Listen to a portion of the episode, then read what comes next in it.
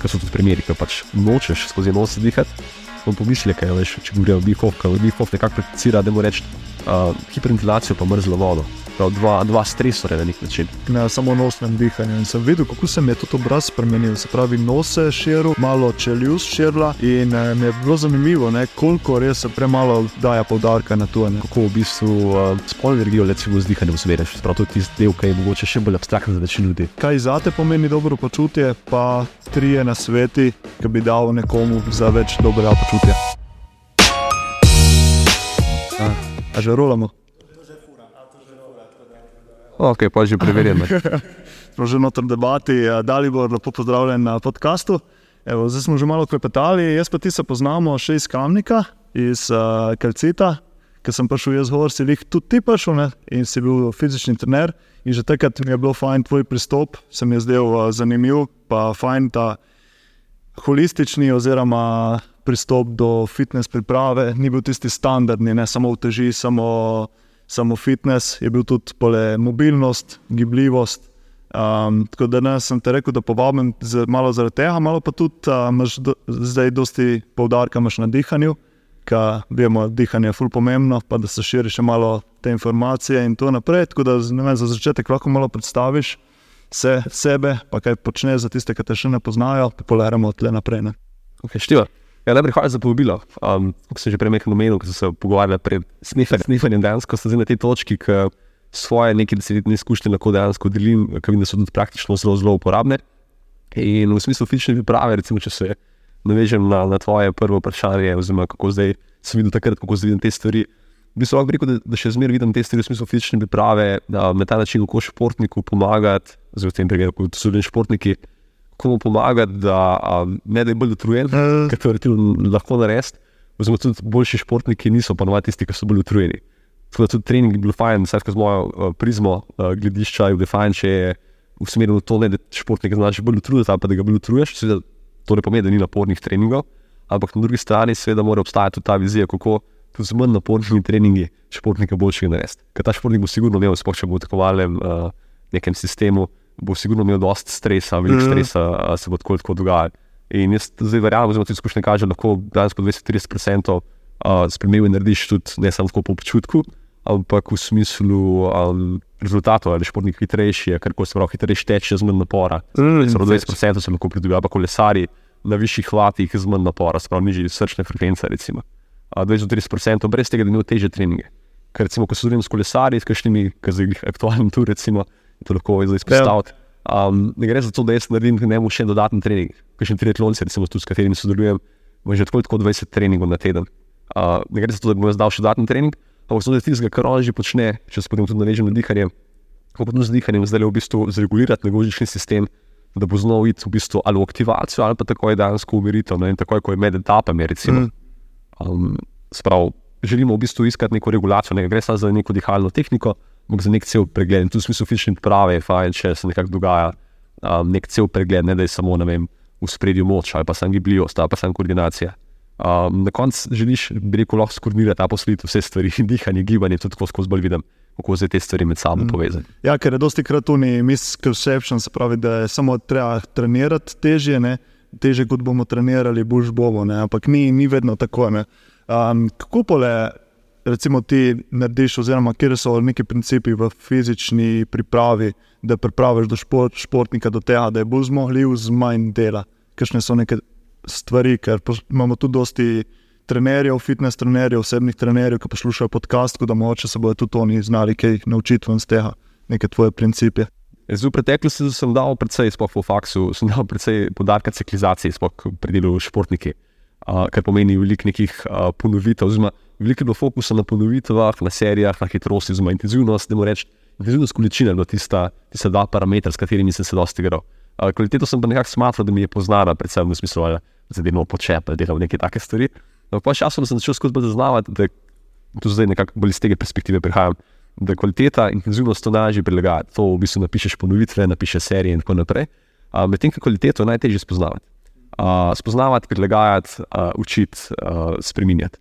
Ja, v smislu kvalitete nisem ne to, zdaj, kako počep zgleda na vzven, ampak kje se začne gibanje, se pravi ta časovna komponenta. Za en tak primer, če bi izpostavil, je um, sekvenca gibanja. Ker vem, če mečeš pikado, boš z roko najprej vodil gibanje, kar pomeni, da v bistvu trup je na nek način rigiden, stabilen. Zdaj, pri metih, pri zonah, recimo, če delam z bojkari, želim, da telo v bistvu začne gibati. Ne samo rama. Ne? Tako in tudi pri počepu, kje začnemo počep, začnemo v bistvu najprej z zgornjim delom, počepa, s spodnjim delom, ali z drugim res udrinjem, ali to neka sekvenca, ki celo telo naenkrat v bistvu urine noge v tla. Uh, tudi zdaj skozi več podarka dajem kvaliteti. In bi rekel, da nekako ponovitve pa, pa intenzivnost startuje sekundarnega pomena. Pravi, da je bolj pomembna kvaliteta giba, kot pa ponovitev. Tako. In tudi v smislu intenzivnosti bi lahko rekel, da sem večinoma skoraj ne več časa, ampak veliko časa preživel športnike na 80% v smislu intenzivnosti. To pomeni, da vam tudi vmes, kaj delamo, dejansko neko vajo, priložnost za majhne prilagoditve.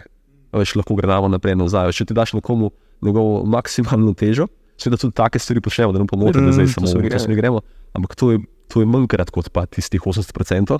Za 80% lahko, rekel, lahko prilagajaš vmes, pa lahko se dejansko spotoma učiš. Spravo, dejansko tako imaš.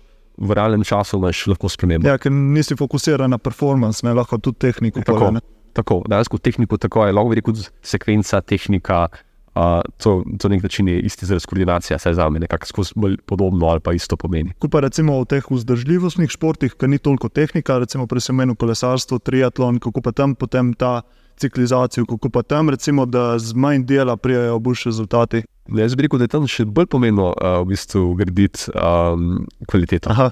Kako recimo kolesar pedalira. A, kako, okay. recimo, če delam z ultradekačem.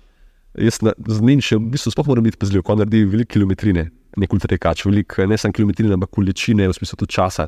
Ker lahko ultradekači trenirajo na način ur, ne na način kilometrov, se lahko ur preživijo zunaj v naravi in tako naprej. In se pa ultradekači, ko bi se gledali, kako bo vsak korak optimiziral, ja, to bo na, no, za njega pomenilo tudi nižji puls spet, spravno bo le tekel, hitrejši tekel. Uh, tako da pri tistih bi rekel, da je še toliko bolj pomembna ta stvar, uh, ker to bo pomenilo na koncu pač boljši rezultat. Zdaj, če govorim kontra, so bolj neki eksplozivni športi, recimo odbojka, košarka, tenis in tako naprej. Ta bo pa tehnika spremenila to, sicer bo tudi vplivala na utrujenost, oziroma uspešnost, ampak tudi na večjo, večjo možnost poškodb. Mm.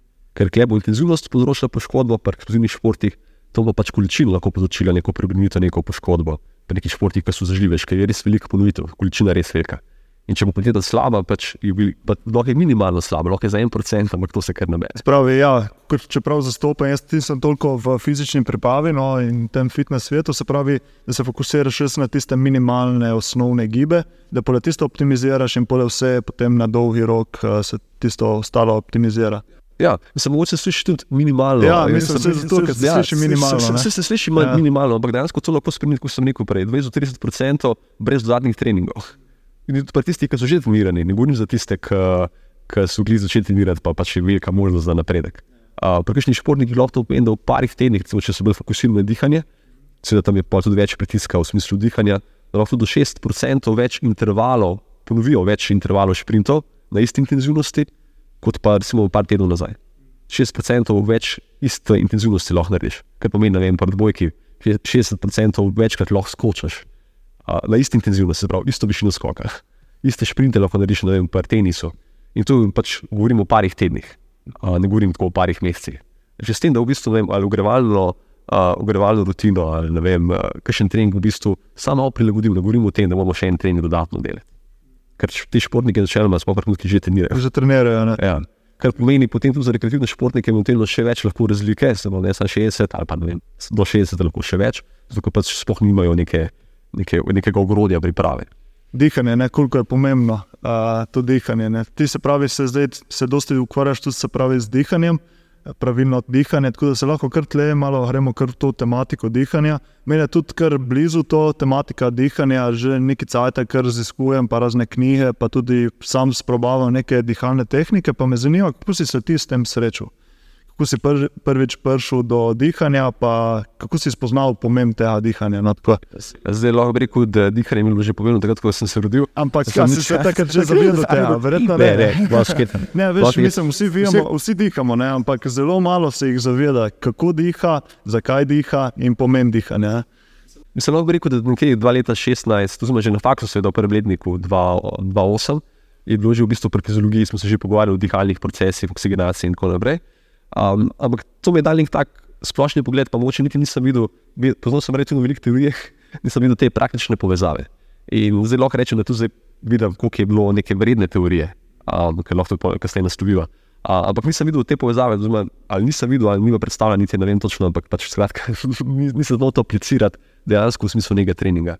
Po leta 2016, po koncu faksa, sem se upisal na jogo tečaj, uh, v bistvu za učitelj joge in sem postal potem učitelj joge. Potem smo nekako že poskušali tudi malo gledati, kako različne dihalne tehnike vplivajo v bistvu na, na samo dihanje.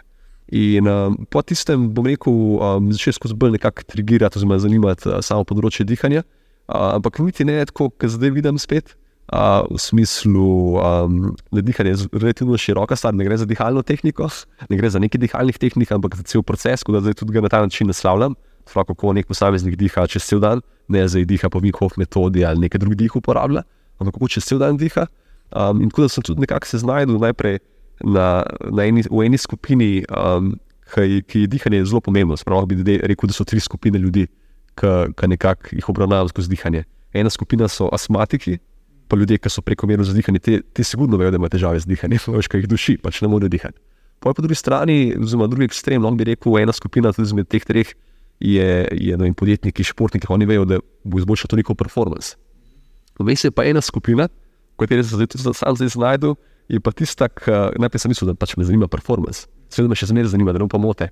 Ampak najdel sem se v tej skupini, ki je pa tako bolj, um, ko bi rekel, veliko ljudi ne poveže, da je to težava z dihanjem. Ne vem, anksioznost, ne vem, uh, težave s prebavili, uh, regulacija čustev, uh, vem, težave z zobmi, zobni kamen. Recimo, veliko zaživosti športnikov, sploh če je dihanje izredno skozi usta, če, če težko recimo skozi nos diha, ali pa pač niso zavedni, da je bilo fajn skozi nos dihati, saj večino časa ne moreš vse čas uh, ker so tudi primeri, ki pač nočeš skozi usta dihati, oziroma skozi nos dihati, uh, ker ne gre sko, na ta način, da bomo vsi skozi nos dihati. In um, ja, veliko je teh stvari, ki je ta umestna skupina, ki se niti ne zaveda, no, in globoli, zdaj res jih nisem imel, ampak so včasih migrene lahko problematične, bolečine v ramah, bolečine v hrbtu. Skratka, cel tak spekter stvari, ki jih ljudje veliko ne povežejo, da bi lahko z dihanjem regulirali ali pa celo odpravili. Ja? Kar ne pomeni, da spet ne govorim, da je dihanje čarobna palčka, ampak veliko stvari skozi dihanje, smo za to srednjo skupino veliko stvari lahko narediš. Tudi v smislu čustev, ne gre za to, da boš zdaj ti neko stvari čutil, ne gre za to, da želiš ne čutiti stvari, ampak lahko zreguliraš čustva. Si lahko zreguliraš, to začneš zaznavati, kaj ti telo eventualno sploh sporoča.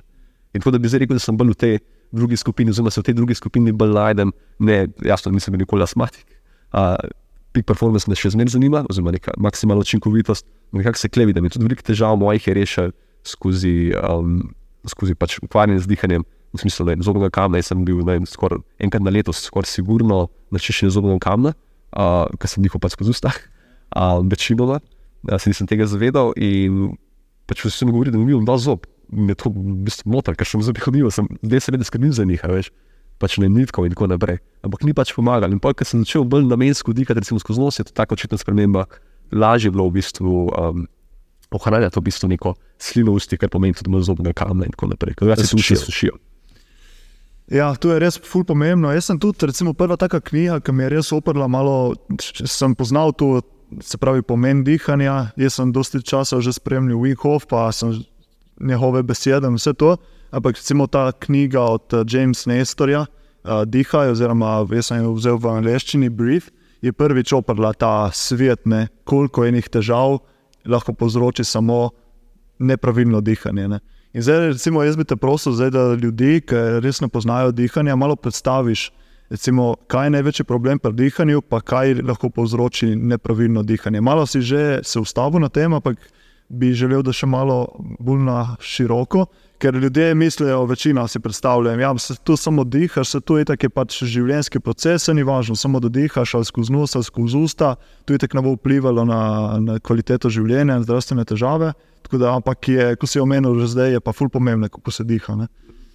Lahko bi, bi rekel, da um, dokaj človek diha, je pač dihanje funkcionalno. Jaz načeloma ne maram te delitve na črno-belo, funkcionalno je funkcionalno. Lahko bi rekel, da dokaj posameznik diha, je funkcionalen. Je pa konkretna razlika med tem, ali nekdo samo funkcionira, ali nekdo lahko boljše funkcionira. In to sem rekel. Včasih je lahko par, par procentov razlike, spremeni pa 20-30 procentov. Uh, in kle pa je konkretna razlika. Se pravi, če mi damo nekaj več pozornosti, samo dihu, se pravi, da dihanje namensko usmerjamo, to ne pomeni, da ga zdaj konkretno še se represiramo, pa se ne ukvarjamo z njim, oziroma hočemo samo vzdrževati na vsak način, ali pa hiperventiliramo, kot Vinhof, se pravi, da je to ena stvar. Ampak če damo dihanje v nek tak spektr, neke regulacije čez cel dan, to lahko konkretno v bistvu uh, zadevo spremeni. In klej bi spet lahko rekel, da je ena največjih um, izzivov, ki ga zdaj spremljam, um, ki dobim nekaj iz prakse, je to, da ljudje ali dajo pozornost vem, um, volumnu diha, zelo globoko dihnejo, ja? medtem ko zanemarjajo morda druge spektre dihanja. Ja? Zdaj, fajn bi bilo, če bi nastavili vsi nekako vsaj tri spektre in en spekter, oziroma ena taka pomembna stvar, en aspekt, bi lahko rekel, je bil mehanika, zelo kako se telo giba med samim dihom kaj, kam usmerimo dih. To je nekako sopadlo s tistim, kar sem že, že prej razlagal, kakšna je koordinacija. Se pravi, dihanje. Se diha, se diha v pršni koš, se diha v trebu. Začetek, domače začetek, povedano. Po domače povedano, začetek je to v bistvu že neka taka ja. osnova. Veš, lahko dejansko slovi ni tudi, da še podplate. Ja, kaj je možnost, da v bistvu dih razpršiš in kaj že pride do tega, ne da sam ti dihaš. Bom rekel z eno, z eno strategijo, ampak lahko dejansko začneš modelirati strategijo, tudi različne učinke potem dobiš. Prav, en aspekt je bil mehanika, se pravi, gibanje med dihanjem. Bolj plitko, kot dihaš, ne, slabš, mislim, slabše. Boljše je, da dihaš v diafragmo, kot jaz poznam, vse boš ja, ja. povedal, ja. če res. V diafragmo se pravi globoko dihanje, pa ne toliko v prsni kož, diafragmo in ko se rekel, pole malo tudi prav širi dih čez celo telo. Ne. Zdaj, ta globina je velika, klem, moče tudi en tak izziv. Kaj pomeni globina? Mm. Zdaj, pri nas v, v zahodnem svetu bi lahko rekel, da globina pomeni več. Mm. Ja, ja. V tem, kar na vzhodu razmišljajo navzdol. Mm. Okay. Ja, Spravo globina navzdol. A veš, dejansko čutiš gibanje, recimo v medenici. Mm. Ja, Ali pa celo podplati, kot sem premenil. Mm. Ja, gre za volumen, ampak v bistvu kam gre ta premik. Ker en aspekt smo rekli, bil mehanika, potem sta pa še dva zelo pomembna pa je še biokemija, zelo predvsem izmenjava CO2 in ja, kisika. Ker če tudi biokemija ni primerna, tudi če smo pozorni na biomehaniko, bomo predvsem manj uspešni. Bomo se nekaj naredili, kot sem rekel, vsako dihanje je funkcionalno, ampak gre za to, kako bomo te tri stvari, ki bomo zdaj našteli, uskladili med sabo. Sprav biomehanika, biokemija, ja, še enkrat biomehanika in gibanje biokemija, predvsem izmenjava CO2, oziroma razmerje med CO2 in kisikom. Ja, to je dosti krat tudi eh, pomota, ne, da je CO2 tisti slab, ne, da rabimo čim več kisika in čim manj CO2, ampak ni vedno tako. Ne. Jaz sem rekel, da večino ni tako. Ni tako dejansko, rekel bi, da 20%, um, če dejansko uskladimo stvari, se pravi kisik, pa oglikov dioksid, uh, je dejansko 20% več, više oksigenacije tkiv. Um, Seveda pa tudi odvisno od ritma, to je pa tretji aspekt. Ja, Spravo gibanje, biokemija, izmenjava plinov, pa potem še ritem. In ko te tri stvari uskladimo, dejansko lahko razmišljamo o nekem napredku, um, ki je malo bolj cel. Kaj ne govorimo samo, recimo, če bi rekel, da jogi veliko podarijo, spet iz osebnih izkušenj, ne govorim, da so vsi taki, ampak veliko sem pa zasledil, da podarijo predvsem več čim večji trebuh in tako naprej. Sprav, v bistvu samo en aspekt, niti ne celo mm. telo, ampak sam trebuh. Uh, Medtem ko včasih se ukvarjajo, kdo sam z biokemijo, v smislu tega, čim bolj plitko dihati, oziroma čim volumensko, čim niže, In to seveda lahko z vidika tega, da dihamo že skozi nos, je volumen lahko nižji. Pa hiperventilacija, recimo v Inhofu. Hiperventilacija pa kontra. Ja. In hiperventilacija je v bistvu kontra od tega, se pravi, želimo si v bistvu več, lahko bi rekel, kot šprinti pri gibanju. To je stresor in stresor je tudi rabo v življenju. Ampak če samo to poznamo, da znamo druga aspekta, oziroma ne znamo tega izenačevati, razmere iskati, lahko nastane problem. Tako nekako vidim, kje je največ izzivov, kako tri aspekte, se pravi, gibanja, biokemije, pa ritma uskladiti med sabo. In uh, zdaj nekaj zasledim tudi, da, vem, so tako splošna priporočila, dihaj skozi nos, pa bo vse drugače, um, dihaj manj, pa bo vse drugače. To tehnično je v bistvu na nek način pravilno. Ampak vsi tisti, ki bi to mogli narediti, dejansko ne morejo tega narediti, ker nimajo aplikacije. Tukaj, če ne vem, rečeš pre, prekomerno težkemu človeku, ne je manj, pa se več giba. Tehnično je to pravilno, ampak v bistvu on ne zna tega narediti, ker nima orodja, ker ne ve, kje se sploh lotiti. In ponovadi ljudje izberejo najbolj ekstremno stvar. v smislu, da je Vihov na nek način ekstrem en izmed ekstremov. Uh, prej si omenil, se pravi, celostni pogled na dihanje, se pravi, dihanje, se pravi, kako ti dihaš se, se v dan, to je en aspekt, drugi aspekt je pa dihalne tehnike. In se mi zdi, da dosti krat, ko ljudje slišijo nekaj, ok, dihanje, dihalne tehnike, prvo pomislijo neke vajene, se pravi, kot si rekel, ali je to Winghoff, ali je to neke pranajama, se pravi, počasno dihanje, umirjeno dihanje, lahko je to, ne vem, kaj še prije potem zraven, pa recimo oksigen, ventič, ki si tudi ti ne. Ampak se mi zdi prav pomembno, da se začne na tem, se pravi, da ti konstantno, pravilno, da se naučiš pravilno dihati, in pole tehnike so zraven kot nek bonus. Ne? Tako, tehnike so potem bonus. Sveda, če bi uskladili že biomehaniko, biokemijo, pa ritem, v bistvu pokrijemo že marsikaj. Če te tri aspekte pokrijemo, dobimo veliko, v bistvu širino pa veliko vpliv. Pa, pa če še enkrat razumemo, da v bistvu v osnovi je izdih, podaljšan izdih, se pravi, če izdih traja dlje časa, kot pa vdih, je to v bistvu proti umiritvi, pravi proti enemu ekstremu spektra. Če pa vdih bolj intenziven, pravi uh, napram izdihu, je pa druga stran spektra, se pravi pa aktivacija. In če bomo enkrat to pokrito, se pravi tri stvari, tri aspekte, biokemijo, biomehaniko in ritem, plus vdih, izdih, se pravi na nek način tu ritem. Smo pokrili z dihanjem vse, ne glede na tehniko, pa razumemo dejansko vse tehnike. Kako le učiš, recimo na, na podlagi teh treh, treh principov, kako učiš potem ljudi, ljudeh, ljudi pravilno dihati, ker še imaš kakšen sistem. Oziroma, ful me zanima, kako bi to izgledalo v praksi. Zdaj, pravi, zdaj smo pokrili teorijo, spravi ti tri faktori, zdaj pa potem, kako to prenesti v prakso. Zdaj, v praksi je to tako zgleda, da v bistvu se dobim z vsakim naslednjim po svetu, da najprej vidiva, v bistvu, kaj je sploh njegova, njegova vizija, kaj je njegov cilj. Potem naredimo diagnostiko in na podlagi tega postavimo tudi cilje, oziroma strategije, strategije, kako v bistvu do tega prideti. Zdaj, diagnostika tako poteka, seveda, da tudi ugotoviva, če nekdo reče, da bi vem, bil rad bolj sproščen. Me zanima, kaj to v fizičnem svetu zgleda za njega. Če bi bilo tri sodnike, kako bi oni, ali bi se vsi strinjali, da je bolj sproščen, se pravi, da se vidi to na zven, da je to fizično, ne samo malo počutku. Vse so občutki mi pomembni, veš, kako se počuti, v dejansko tudi v fizičnem smislu vidno. Uh, Spravo, tudi to redefiniramo, tudi tukaj naredimo neko diagnostiko nekih ciljev želja. Uh, potem pa v smislu diagnostike, ki pa jaz v bistvu bolj konkretno upravljam, pa v bistvu me zanima, kako se posameznik giba. Na to temo sem tudi zdaj posnel video, pa, pa ne vem, če, če lahko v bistvu lahko tudi dodam uh, povezavo, si lahko tudi gledalci poslušalci pogledajo. V link. Uh. Ja, si lahko pogledal v bistvu na spletni strani, um, v bistvu, kako vidim biomehaniko, predvsem bolj celo. Ker biomehanika mi nekako, se mi zdi, da je najtežje predstaviti. Ker kot sem rekel, to je v bistvu kvaliteta, tako pri gibanju.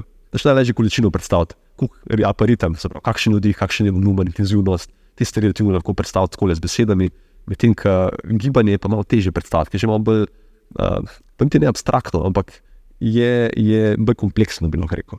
Tako da potem uh, diagnostike, ki vključuje seveda biomehaniko, pogledamo tudi, kako v bistvu z določenimi testi, kako tudi biokemija eventualno poteka. Prav obstaja tudi testiranje, ne vem, če je tak preprost test, je, lahko tudi tako pokažem, da mogoče samo poznaš bolj test. Ja, body oxygen no, level test, v angleščini prevod. Uh, je v bistvu tak nežen vdih, nežen izdih, ja, in zdržiš po izdihu. Kot da držiš še en. Ja. Ampak ne govorimo o maksimalnem zdrževanju, govorimo o prvem znaku. Kaj pomeni prvi znak? Je to, da imaš slino pogotent, ja, ali čutiš neko stiskanje, ne vem, kjerkoli. Spravi, ne, za neko testiranje vsaj treh faktorjev, in en faktor je sigurno psihološki tudi.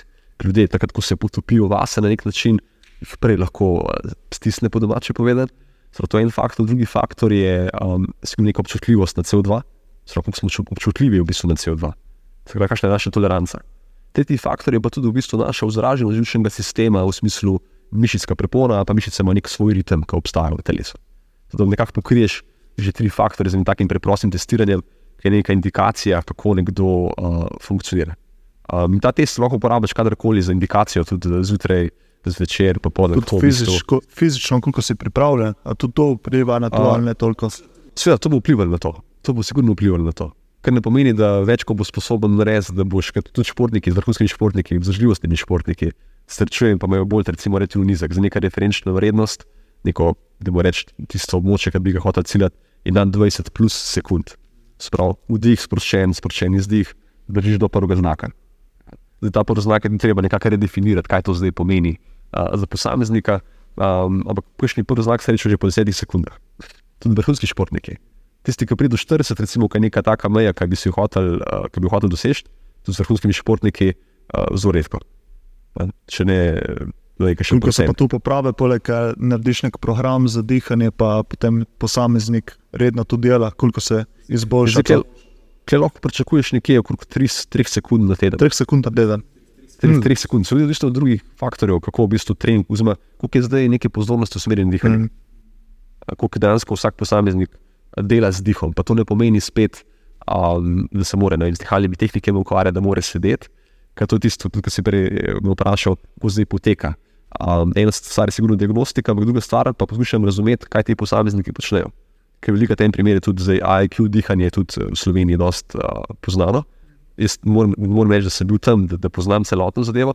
Nekako posredno te ljudje, ki so to testirali, pa so potem do mene prišli, vidijo predvsem razliko v tem, da um, da poskušam bolj upoštevati, kaj oni počnejo. Recimo, s kakšnimi tenisači, ki delam, pa so prej IQ uporabljali, oni so sedeli, zjutraj so se mogli en pol razreda za, za, za vse.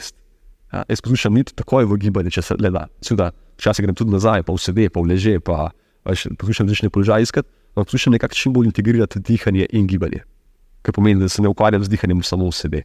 Ker včasih to lahko tudi nastane problem, če nekoga posediš v, v sede, bo imel večjo anksioznost, več anksioznosti. se Sploh ne? sploh športniki. In je treba najti, tu sem prej rekel, v smislu aplikacije, posamezniku njegov nivo razumeti, kje se on nahaja in mu v tem prilagoditi, ali dihalno tehniko, ali cel, cel program dihanja. Um, ne gre za to, da um, mu daš dve, tri dihalne tehnike in bo zdaj precej boljše.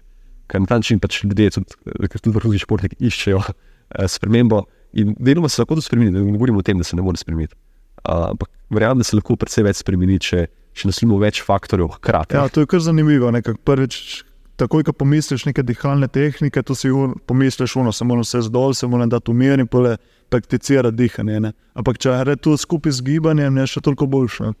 Pač, da res se ne rabiš pole še dodatno vzemljati čas samo za dihanje, za dihalne tehnike, za izboljšati svoj performance. Ne? Če gre skupaj z, s tem, pole super. Ne? Mislim, da če želim več čas to skupaj delati, tudi odbojke mi je že včasih motili, v smislu kondijske priprave, ker so kakšni trenerji sodelovali, ker so imeli vem, uh, kuparje in tako naprej. Čeprav dejansko so neke daljše teke, čeprav odbojkari imajo relativno kratke teke, oziroma kratke intervale, uh, šprintov bi rekel. In tudi zato zakaj bi en sedel, medtem ko bo pač nekaj drugega počel. Če kolesar, seveda bom delal tudi z njim v sede, ampak ne v sede na stolu, kot sem videl na kolesu. Sprav, želim tudi A, v bistvu okej. na kolesu razumeti, veš, kako ima en trening, par ur na dan. Sprav, kako bo na kolesu, on mim grede, med treningom v bistvu že ugrevanje naredil, veš, da te občutke, ki jih ima na kolesu, poskuša takoj z dihanjem uh, integrirati, povezati. Ne gre za to, da bo dihal posebej, pa bo se na kolo usedel. Tako je problem te stvari povezati. Uh, na ta način dosežemo, vsaj pač moje izkušnje kaže na to, da je višja učinkovitost, hitreje se v bistvu stvari spremenijo, pa za večji procent se spremenijo.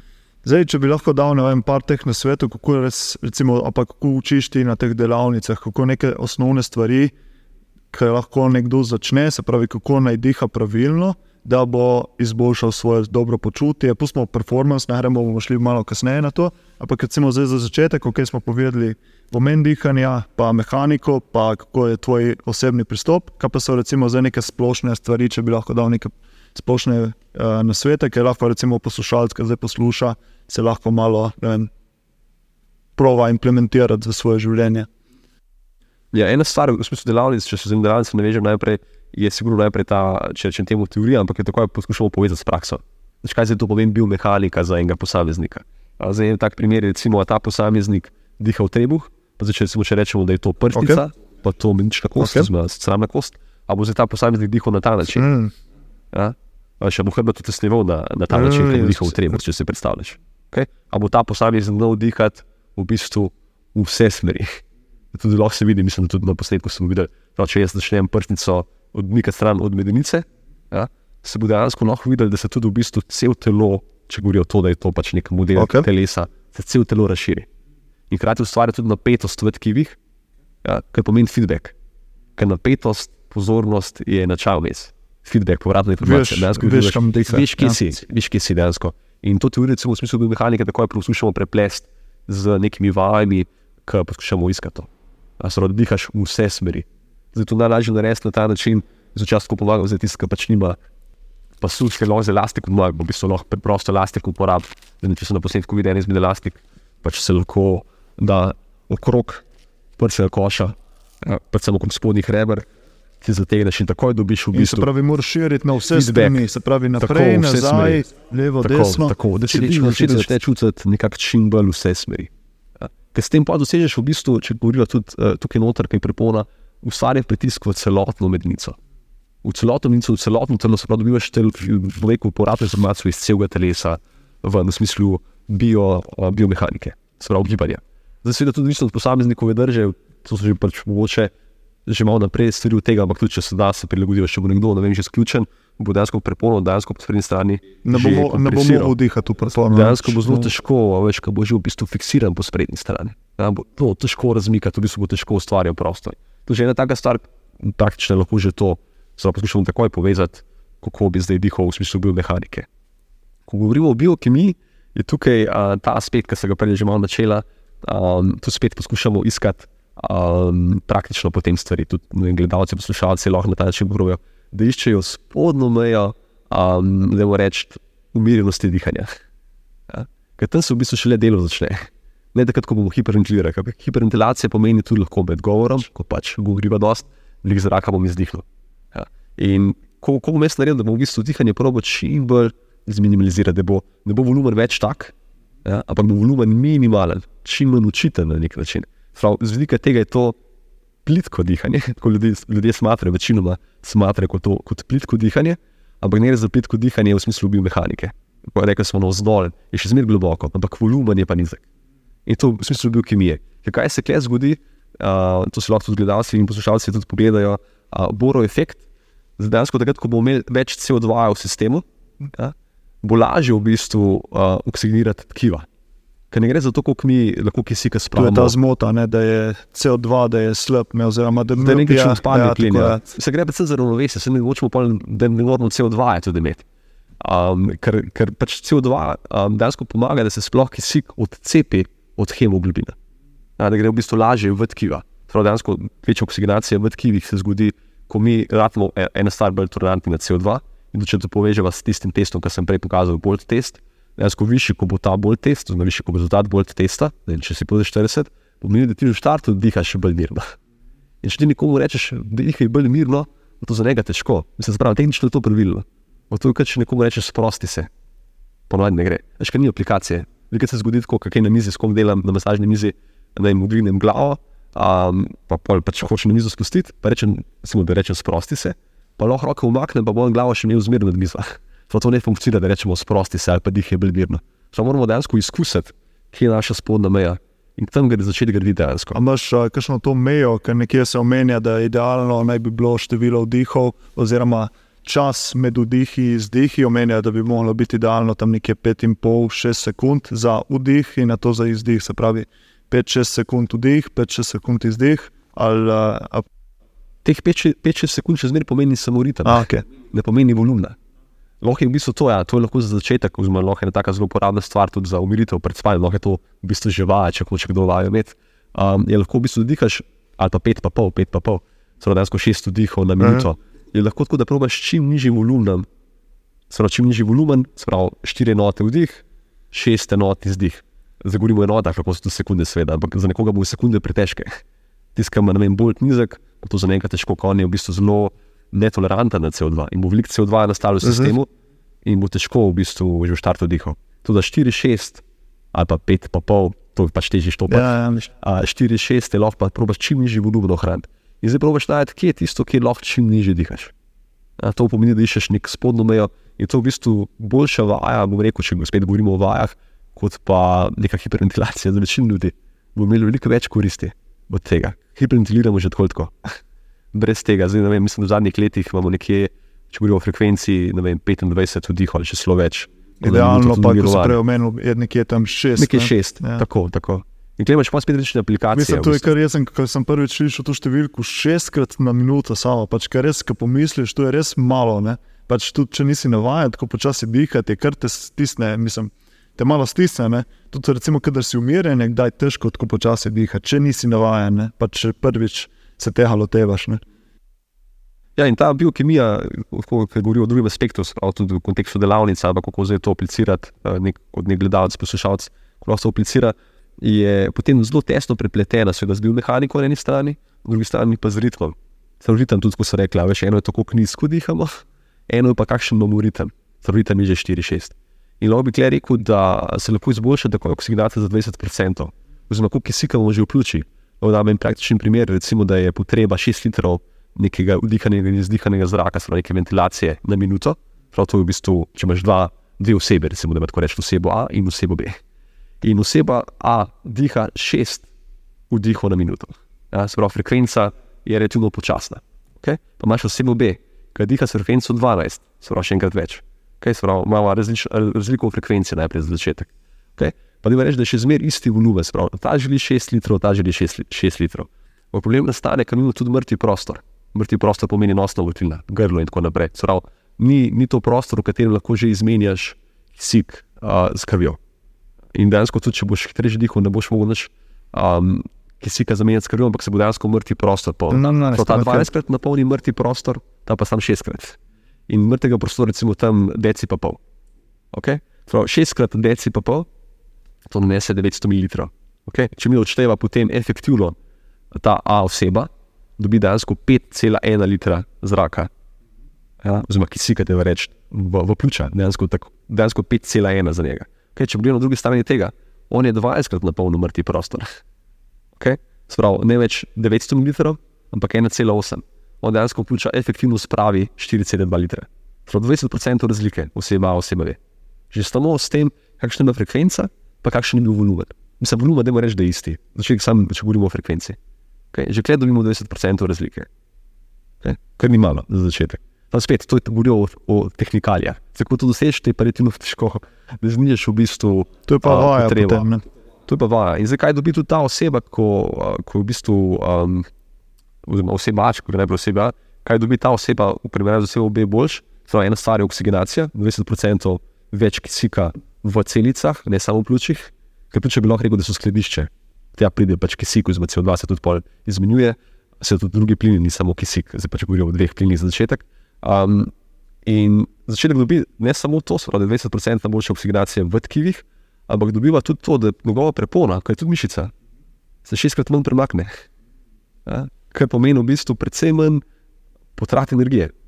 Veš, recimo nek športnik, ne če govorijo tudi borilnih športnik, športnikih, a veš, on dejansko lažje na nogah ostane, oziroma občutek športnike, da jim noge vzame pod Ja, roke. ko v bistvu je mišica kot mišica, ne? več ko jo boš raztehaval, Več, več krvi, Ja. ja. več krvi Pa uporablja. tudi tole bo bolj zategnjena, ne? več kot jo uporabiš, bolj bo zategnjena. Bolj ko je zategnjena, manj boš dihal potem v prepono. Ne? Je pole Tako, bi rekel, da se cycle, hitreje preobremeni. Ja. Je ta krog, ne? Potem, Tako hitro v bistvu se zgodi neka preobremenitev v, v trebušni preponi. Uh, dejansko ti lahko nogo vzame, kot trebušne prepone, oziroma dihanje, nekako primarno nadrejeno gibanju, bi lahko rekel. Um, in bo tudi gibanje, potem tudi koordinacija bo ratala slabša. Uh, se pravi, tudi recimo, to je še dodaten aspekt, bo se oksigenacija boljša, prepona bo manj utrujena, ampak tudi koordinacija se bo takoj poslabšala. Nekdo, ki bo zadihan, pač prepona ne bo funkcionirala, se pravi, vem, vse težave ne, s poškodbami tudi lahko nastane, se pravi, v smislu ohranjanja eh, pritiska v trebušni votlini. Nekdo, ki je zadihan, bo prej staknil kakšno poškodbo. Ker koordinacija takoj avtomatsko Ah, slabša. Pač ni pritiska več v trebušni votlini. Dejansko vrata mehak, po domač povedano. Ja, Prej pade, prej se spotakne. Prej, ne vem, Zanimivo, zvrti, ne, prej se ker bliže nikoli ne pomisliš na to povezavo. Ne? Zanimivo. Zdaj smo vse to, vse si, kar si zdaj omenil, je vse bilo na dihanje skozi nos. Zdaj bi uh, rad, da se malo ustaviš, zakaj dihanje skozi usta ni optimalno, oziroma zakaj sploh večino dneva bi mogli dihati skozi nos, kaj so problemi, um, kaj so problemi dihanja skozi usta, pa pole bi te vmes, pole na konci, pa bi rad, da še malo, oziroma Um, tudi v bistvu nekateri govorijo, da moraš dihati samo skozi nos, ampak včasih je pa fajn, da se tudi naredi kakšen dih skozi usta, sploh med športom me zanima. To, kje je tista meja, da se diha samo skozi nos in kje pole nastane tisto, da lahko potem dihaš skozi, skozi usta. No, tako. Zdaj, zakaj v prvi vrsti skozi nos? Ena stvar, uh, mislim, lahko bi rekel, da že nos ima veliko več uporabnih funkcij kot usta. Um, ena stvar, ki je zelo za športnika, pa se kogarkoli po- pomembna, bo že dehidracija. Um, veliko več dehidracije. V nosni utlini se zrak tudi ugreje, uh, se pravi, tudi, uh, rekel, ne samo ugreje, ampak tudi nableži. Kar pomeni, da tudi um, bo težje kakšna okužba uh, dihal. Spet za kolesarje je zelo pomembna stvar. Za vse zaželjivostne športnike, če se oni prekledijo, oziroma zbolijo, ni fajn. Uh, Sprav, klej sigurno en tak aspekt, uh, kako v bistvu um, dihanje dati na večino časa skozi nos, večji upor bo, ker klej so manjše lukence kot pa skozi usta, kar pomeni več feedbacka spet. Až, lažje klej več zraka zajeti kot pa skozi nos. Ja, ne moreš tako eksplozivno, impulzivno narediti uh, tega vdiha. Um, in to so, rekel, že take, spet v smislu biokemije, težje boš zaplavil tisto hitro frekvenco, težje boš um, prepono kar sprostil, pa bo kar šla po svoje, več nadzora bo v bistvu na trebušno prepono. Sedaj pa pol tudi ena taka stvar, ki je v zadnjem času precej znana, je dušikov oksid, to je v bistvu zelo um, rekel, antibakterijski plin, ki nastaja predvsem v obnosnih votlinah in z dihanjem skozi nos v bistvu zelo potenciramo uh, proizvodnjo tega plina. Uh, in bomo veliko v bistvu um, vse te okužbe, um, ki lahko nastanejo, bomo v bistvu reducirali dejansko takoj uh, stvari. Je pa res, da, da to dihanje skozi nos, to si prej omenil, v športu je težko. Um, in obstajajo seveda športniki, ki dihajo praktično 100%, uh, lahko tudi na 100% intenzivnosti skozi nos. So redki, ampak obstajajo. Ja? In uh, tudi, ker so delali, recimo, testirali, A to bolj tisti kolesarji, vz- vzdržljivi ali eh, vzdržljivostni. Ja. vzdržljivosti? Vzdržljivostni. Ja. Um, vzdržljivostni. In um, na začetku je sigurno težko, ko ti vidiš preklop. Kot so rekli, tehnično je boljše dihati skozi nos, ampak praktično to ne gre kar čez noč. In veliko je bilo tako, ko so delali testiranje športniki. Na začetku meritev so si rekli, da je brez veze, da bomo skozi nos dihali, ker to je ful težje, Ja, slabši smo ja. takoj. Ja. Ampak ne vem, čez teden, dva, tri, pet, šest, si bo v bistvu stvar precej spremenila. Oni so dihali skozi nos, frekvenca je bila nižja in vizivnost je bila ista. Okay? Se pravi, v bistvu z manj, z manj napora narediš več. Prav to je v bistvu naprej, tudi pri, pri, v vrhunskih športnikih, govorim pri treniranih. Pravi, pri netreniranih je to še pač rezultat posledično boljši. Seveda pa usta tudi pridejo prav, recimo, sploh od začetka v nekih maksimalnih naporih, ampak je pa spet razlika, kaj skozi usta narediš. Veš, narediš to, veš, da vse zategneš. Ja, sprav, dejansko veliko bolečin v vratu ali v rami, veš, v bistvu ta platizma, mišica tukaj okrog, kako že napenja, veš, bo dejansko lahko zelo konkretno ustvarila tenzijo v vratu, v glavi in tako naprej. In za nek tekač, ki bo tako tekel, bo konkretno tenzijo v glavi ustvaril.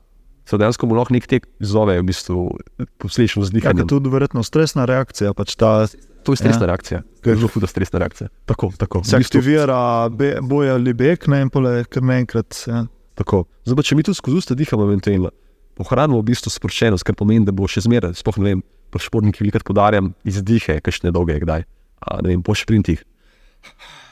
Veš, da nekaj več CO2 odpravijo, ker CO2 preraste kisik zelo hudo nad njihovo toleranco, lahko v tistem, ne, v tistem v, v delovanju, območju. In dejansko tako poskušamo zregulirati. Uh, to je lahko primer, v bistvu, da bi hotel eventualno skozi usta izdihati ali pa dihati, eventualno na nekih maksimalnih naporih. In do kje, do neke, do kje je tista točka, ali to po občutku, se pravi, dihaš večinoma skozi nos in poleg tega ne gre več, provaš skozi usta. ali kako, Ja, ali je to fulno zelo- zelo individualno. Zelo splošno bi rekel, uh, ker vem, da, dosti ljudi še recepti, bi lahko rekel nekje na 85% intenzivnosti. Uh, mi preklopim potem na usta. Uh, ampak to spet, to je pač zelo, um, tako, zelo tehnično in tako naprej. Uh, pa kje razlike. Uh, Tudi verjetno od športa, nekaj še šport je. tudi- En, ena stvar je od športa, ena stvar je pa od športnika. Jaz bi rekel bolj od športnika kot od športa, ker imamo pač razlike tudi uh, med športniki v športu, v enem ali isti športni panogi. Uh, gre bolj za, za te razlike, se pravi, koliko je kdo udoben s tem. In zdaj tudi na tekmi, pač takrat ne boš dihanje spremenil. Zaradi tega ni pomembna tekma. In tudi jaz se športniki, ki se njim sodelujem, ne vtikam, uh, oziroma niti ne želim veliko spremenjati, kako oni tekmovalno izgledajo. Ker Takrat, ko si ti na tekmi, probaš pač dati vse od sebe. Pa spet moram tukaj povedati, da gre za to, da daš vse od sebe, v smislu, da se prekuraš. Ker to se veliko dogaja, to je v smislu treninga, ker sem začela to debato, se veliko razmišljala o tem, da moramo več narediti. Ker več, ko bomo naredili na treningu, lažje bo na tekmi. Ne? To je to v bistvu pri, primarna stvar. Ampak se pravi, če bi to, če bi to država, držali, bi bili pa boljši tisti športniki, ki so bolj utrujeni. Ampak načeloma želimo narediti, da je športnik manj utrujen, sprav bo lahko več naredil, več skočil, hitreje štekel, kogarkoli že. Uh, se pravi, kako zanaj tisto mejo, da bo dejansko lahko posameznik um, dobro funkcioniral, ja? hkrati pa ne bo um, delal škodo na drugi strani. In ta meja, če rečemo 85%, procentov, lahko je pa pač na, dru na drugih nivojih. Za nekomu bo pač treba natekniti pa 60% od začetka reči, pač dihaj uh, skozi usta. V smislu treninga bo pa treba kdaj pa tudi pritisniti, bo pa mogoče šel na 90%. Ampak spet, ta razlika ne bo kar na 100%. Ker če bomo probali na 100% skozi nos dihati, ne bo šlo, zelo sanje dolg čas. Prej si na začetku se menil, se pravi, da imaš zdaj večinoma sodeluješ s tistimi bolj splošno populacijo, bi rekel, se pravi, ki imajo neke težave z zdravjem oziroma slabim počutjem, pa potem eh, pomagaš pri dihanju. Začel, pa prej si rekel, da tudi dve skupini, se pravi, na eni strani peak performance, na drugi strani pa tisti astmatiki oziroma tisti, ki imajo probleme z dihanjem. Pa bi se prvo postavil pri tej skupini, se pravi, pri astmatikih. Kaj se pogosto dogaja, pa kako potem pomagaš z dihanjem, s pravilnim dihanjem, tudi rešiti te težave? Ker vem, da je fully zanimivo, da se da tudi odpraviti. Ne? Ja, simptomatiko se da sem vsaj zreducirati, oziroma precej zmanjšati, a pa so v končni fazi tudi odpraviti. In astmatiki bi lahko rekel, da so to kronični um, hiperventilatorji, Torej, kronično hiperventilirajo prečno. Uh, pri njih je tudi najbolj opazno. Oni tudi, ko začnejo dihati, začnejo na polno dihati. Uh, Hkrati so pa manj učinkoviti. Če lahko mogoče en primer izpostavim, lahko imaš dva, dve osebi, ki sta, ki sta po krvnih preiskavah prišli identični. Prav, isto hemoglobina, isto retrocito. In to sem imel en primer ene gospe, ki je bila pač prekomerno težka, recimo 140 kg na eni strani, pa enega vrhunskega kolesarja. No, dva sta imela isto retrocito. Ja, pravi, kapaciteta v bistvu funkcionalna je ista, da moramo reči. Se pravi, ima ta isto predispozicijo, če gledajo samo skozi vidik krvi.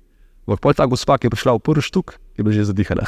Tam ruski kolesar je pa lahko govoril, ne vem, 300 vatov eno uro ali pa še več, pa ti skozi noč zraven.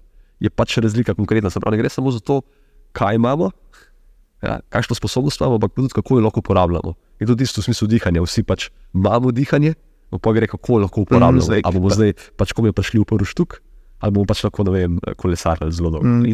In zdaj- pri tej simptomatiki, pri astmatikih, gre za to, da tam moraš biti pozoren, da greš v izziv, pretirano. Ja, ker to imajo včasih bolj, uh, oziroma pač zdrževanje, neko tako posproščenje izdihu, um, 3 sekunde, 5 sekund. To pomeni, da njihov cikl je zelo hiter, v bistvu zelo težko držijo nek konstantni ritem, pa da moče vmes raztegnejo stvari in tako naprej. In uh, oni bi rekel, da padajo, spadajo v skupino, da imajo tudi velike astmatiki, visok pritisk, težave s srcem in tako naprej. Uh, to tudi tistim ni priporočljivo, recimo tudi njihov je v bistvu zelo um, diskutabilno, ali to za njih je priporočljivo. Ker grejo astmatiki pa delati hiperventilacijo. Tukaj nekomu, ki stavi v formi, reče, ok, gremo šprinte delati. Ja? Šprinti so koristni, ampak ne bolj za njega. Ja, ne za astmatika, ne za vzdrževanje hude sape, ne, hudo vzdrževanje sape, recimo za astmatika. To gre večinoma za to, kar smo se tudi prej pogovarjali, 4-6, za neko umirjeno dihanje, za v bistvu dvig tolerance na CO2. Mhm. Če se želimo toleranc, toleranco v bistvu dvigati. In tudi pri nosečnicah, astmatikih, a, ljudeh z visokim pritiskom in tako naprej, se bi jaz izogibal hiperventilacije, pa nekega hudega, hude vzdrževanja sape. Ker to njih naredi več kot kot pa Ja, koristi. meni je bilo zanimivo, ker sem se prvič učil tega, pa bral tega. Je bilo zanimivo, kako polerata ta začaran krog pri astmatikih. ne. Kadar prijo neko stresno situacijo, začnejo hiperventilirati, se pravi prehitro dihati, kar v bistvu povzroči še več tesnobe in potem zaradi tega še bolj hitro dihajo. In pač je ta snowball efekt. Ne. In, Tako, tako. in je rešitev prav kontra, ne? se pravi, da umiriš svoje dihanje, da, ko se reče, malo nižje, nižja frekvenca, bolj plitvo. Sam je to spet, govorijo tehnično, to je v bistvu čisto Ja. razumljivo. In tudi tem ljudem je to, jaz lahko mentalno predstavljam, da je to zelo razumljivo. Kar je večji problem, je to, da se oni spoznajo z občutki v tem delovanju. Takrat nastane kar nekaj pritiska. V, v bistvu je to za njih, tudi če je tri sekunde, a pa ne umirijo dihanje, je to za njih maksimalno zdrževanje sape. Až kljub temu se zdi zelo nežno, je to za njih še zmeraj težko. In jih moramo naučiti sobivati s tem občutkom. Mm. Mislim, moramo. Pač, fajn je, če, če se uspejo naučiti, če, če jih uspemo naučiti, so bili s tem občutkom, da ta pritisk ne gre eventualno v glavo. Tudi človek, se redi, ali pa pač je astmatik, veliko krvi v glavo. Ampak problem pa je, pri lubani je to relativno zaprta struktura. Je v bistvu votlina, ki ne more pritiskati pobegati. Ker nastane veliko pritiska, nastane pač konkretna težava. Če v prstni koš reduciramo pritisk, pljuča srce, v bistvu jih kompresiramo, oziroma stisnemo, še težje dihamo. Prav, cilj je en primarni, spet govorim tehnično, je to, da začnemo kle nota spravljati volumen. Se pravi, kle se lahko širijo stvari.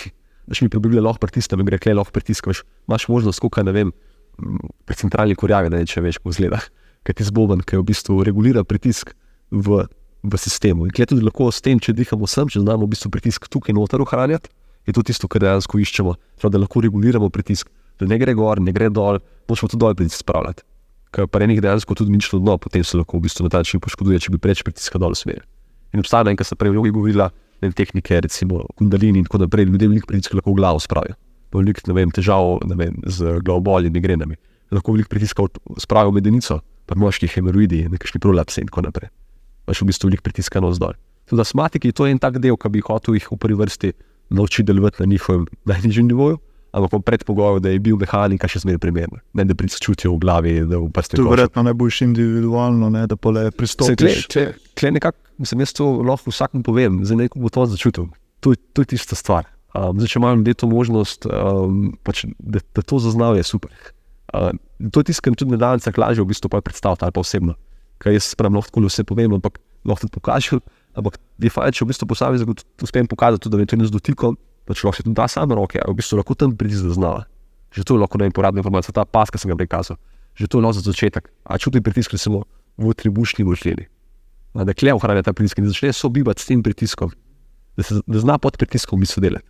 Pravno bi rekel, da dihanje je tudi ne menžiranje samo uh, biokemije, biomehanike in tako naprej, ampak tudi, uh, da moramo reči, da je to stres management. Se učиш v bistvu ohranjati uh, mirnost pod pritiskom v osnovi, bi lahko rekel. Za astmatike je sigurno to, stres management zelo velika stvar. Ja, na drugi strani pa spet vrhunski športniki, še tretja skupina, s katerimi sodeluješ, Peak Performance, je tudi fulejna stresa. ne. Uh, Na isti princip, se pravi, ali je potem še kakšne dodatne tehnike za športno zmogljivost, Peak Performance, ali Ja. kako imaš pa pri tretji skupini tle. Ja, v začetku bi sigurno rekel, da ja. uh, športniki morajo biti dobri v tem, da znajo reducirati stres superiornosti, ki ga imajo veliko. Uh, Seveda so pa oni tudi zvani. Škle bi rekel, parasmatikih je predvsem support in tudi več supporta, Ja. da, znajo, v bistvu, da se znajo umiriti, bi lahko rekel. Ker izzivi tam bojo prehudi, kjerkoli z njim daš, bojo pregoreli. Se pravi, lahko je to prvi štuk, pa še za dihanje čisti sebe in tako naprej. Se pravi, ne bojo se znali umiriti. Pa športniki je tudi to osnova, da znajo v bistvu dihanje umiriti, ampak seveda pa športniki pa na drugi strani iščemo tudi izziv. Kar pomeni, da tudi v bistvu jih med sprinti v bistvu zdržijo sapo in tako naprej. Prav, iščemo v bistvu tudi malo čez rob, ampak ko je priložnost, Ne na tekmi. Ne. ne, na- ne na tekmi, ko je, ko je priložnost. Uh, to je tisto, veš, za to uh, pripravljalno obdobje, je to tekmovalno obdobje, ali kakorkoli. Uh, se pravi, treba tudi te stvari upoštevati, da je priložnost. In glede v smislu pritiska, športniki lahko dajo tudi do 6% več, kot sem prej že omenil. Uh, ponovljivosti intervalov dosežemo. Se Pravi, na isti intenzivnosti lahko 6% več sprintov narediš. Kar pomeni, ne vem, za tenis, odbojko, bom rekel za večino individualnih športov, ki so šprinti, pa tudi za timske, več košarka, ne vem, rokomet, nogomet, kar rabiš v bistvu ponavljajoče se šprinte z isto intenzivnostjo. Ker smo nekaj časa nazaj sledili eno raziskavo, ki so delali z ameriškimi nogometaši, um, primerjavo. In ena skupina je delala v bistvu klasičen metabolni trening, uh, da moramo reči uh, neke stvari, neke ponovitve, brez eh, tega, da so dali pozornost dihanju. In uh, oni so naredili, recimo po testiranju, testiranje bo tako, da so pač delali intervale, zelo delali so intervale 40 metrov šprinta, maksimalnega šprinta, po izdihu. Okay, in zdrži sapo 40 metrov. Okay. In so gledali, kakšne, koliko sekund v bistvu sploh tečejo. In ko je njihova intenzivnost, se pravi, recimo, da so tekli vem, 10 sekund, so, zmišljujem se zdaj, ja, je, da bo lažje za preraču- za preračunati, je pa ko intenzivnost spadla na 85%, se pravi, ko so tekli 8, uh, sekund ali manj, je v bistvu njihova meja. bila, Okay? Se pravi, so v bistvu, da moramo reči, um, je test prekinjen, zato so se spustili pod 85% intenzivnosti. Okay?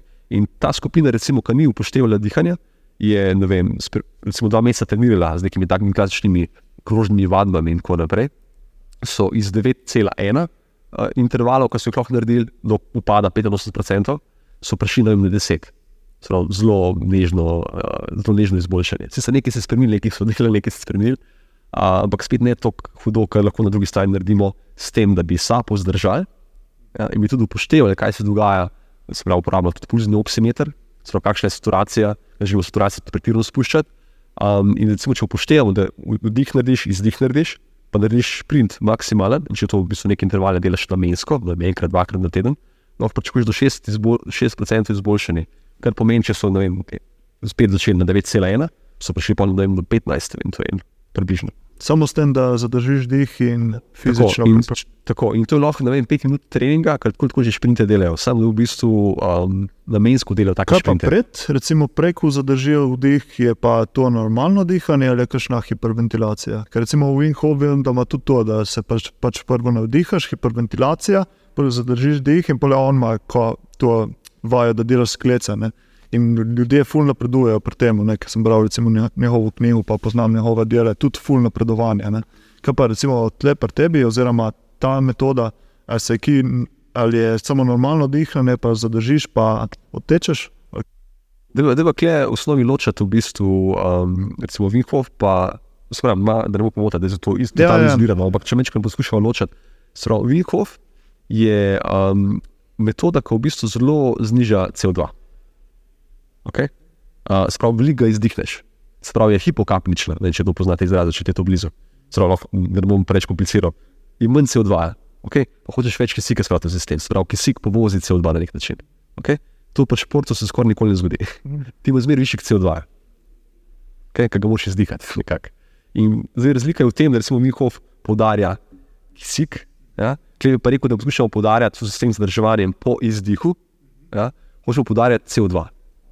Ja? Sprav sem dru, drugi ekstrem, da je lažje razumljivo. Seveda pol ta, ta prehajanje vmes je možen, ampak drugi ekstrem. In tudi recimo po nekem takem sprintu bi hotel, pač, recimo, da je tole vdih, izdih, pač praktično lahko pokažem primer, ki ga lahko tudi dolgo še športnik uporabi, seveda, če ni preopremljen, pa nima visokega pritiska, ni noseč in tako naprej.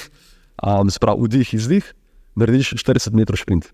Zdaj včasih delamo, če ne delamo to, da je s kakšnimi tekači, kakorkoli, če ni to zdaj šport, ki vsebuje tek, ne vem, ljudi dam na airbike, recimo. Pa ga 5 sekund sprint, uh, pač maksimalen. Sprav vdih, izdih, 5 sekund sprint. Okay?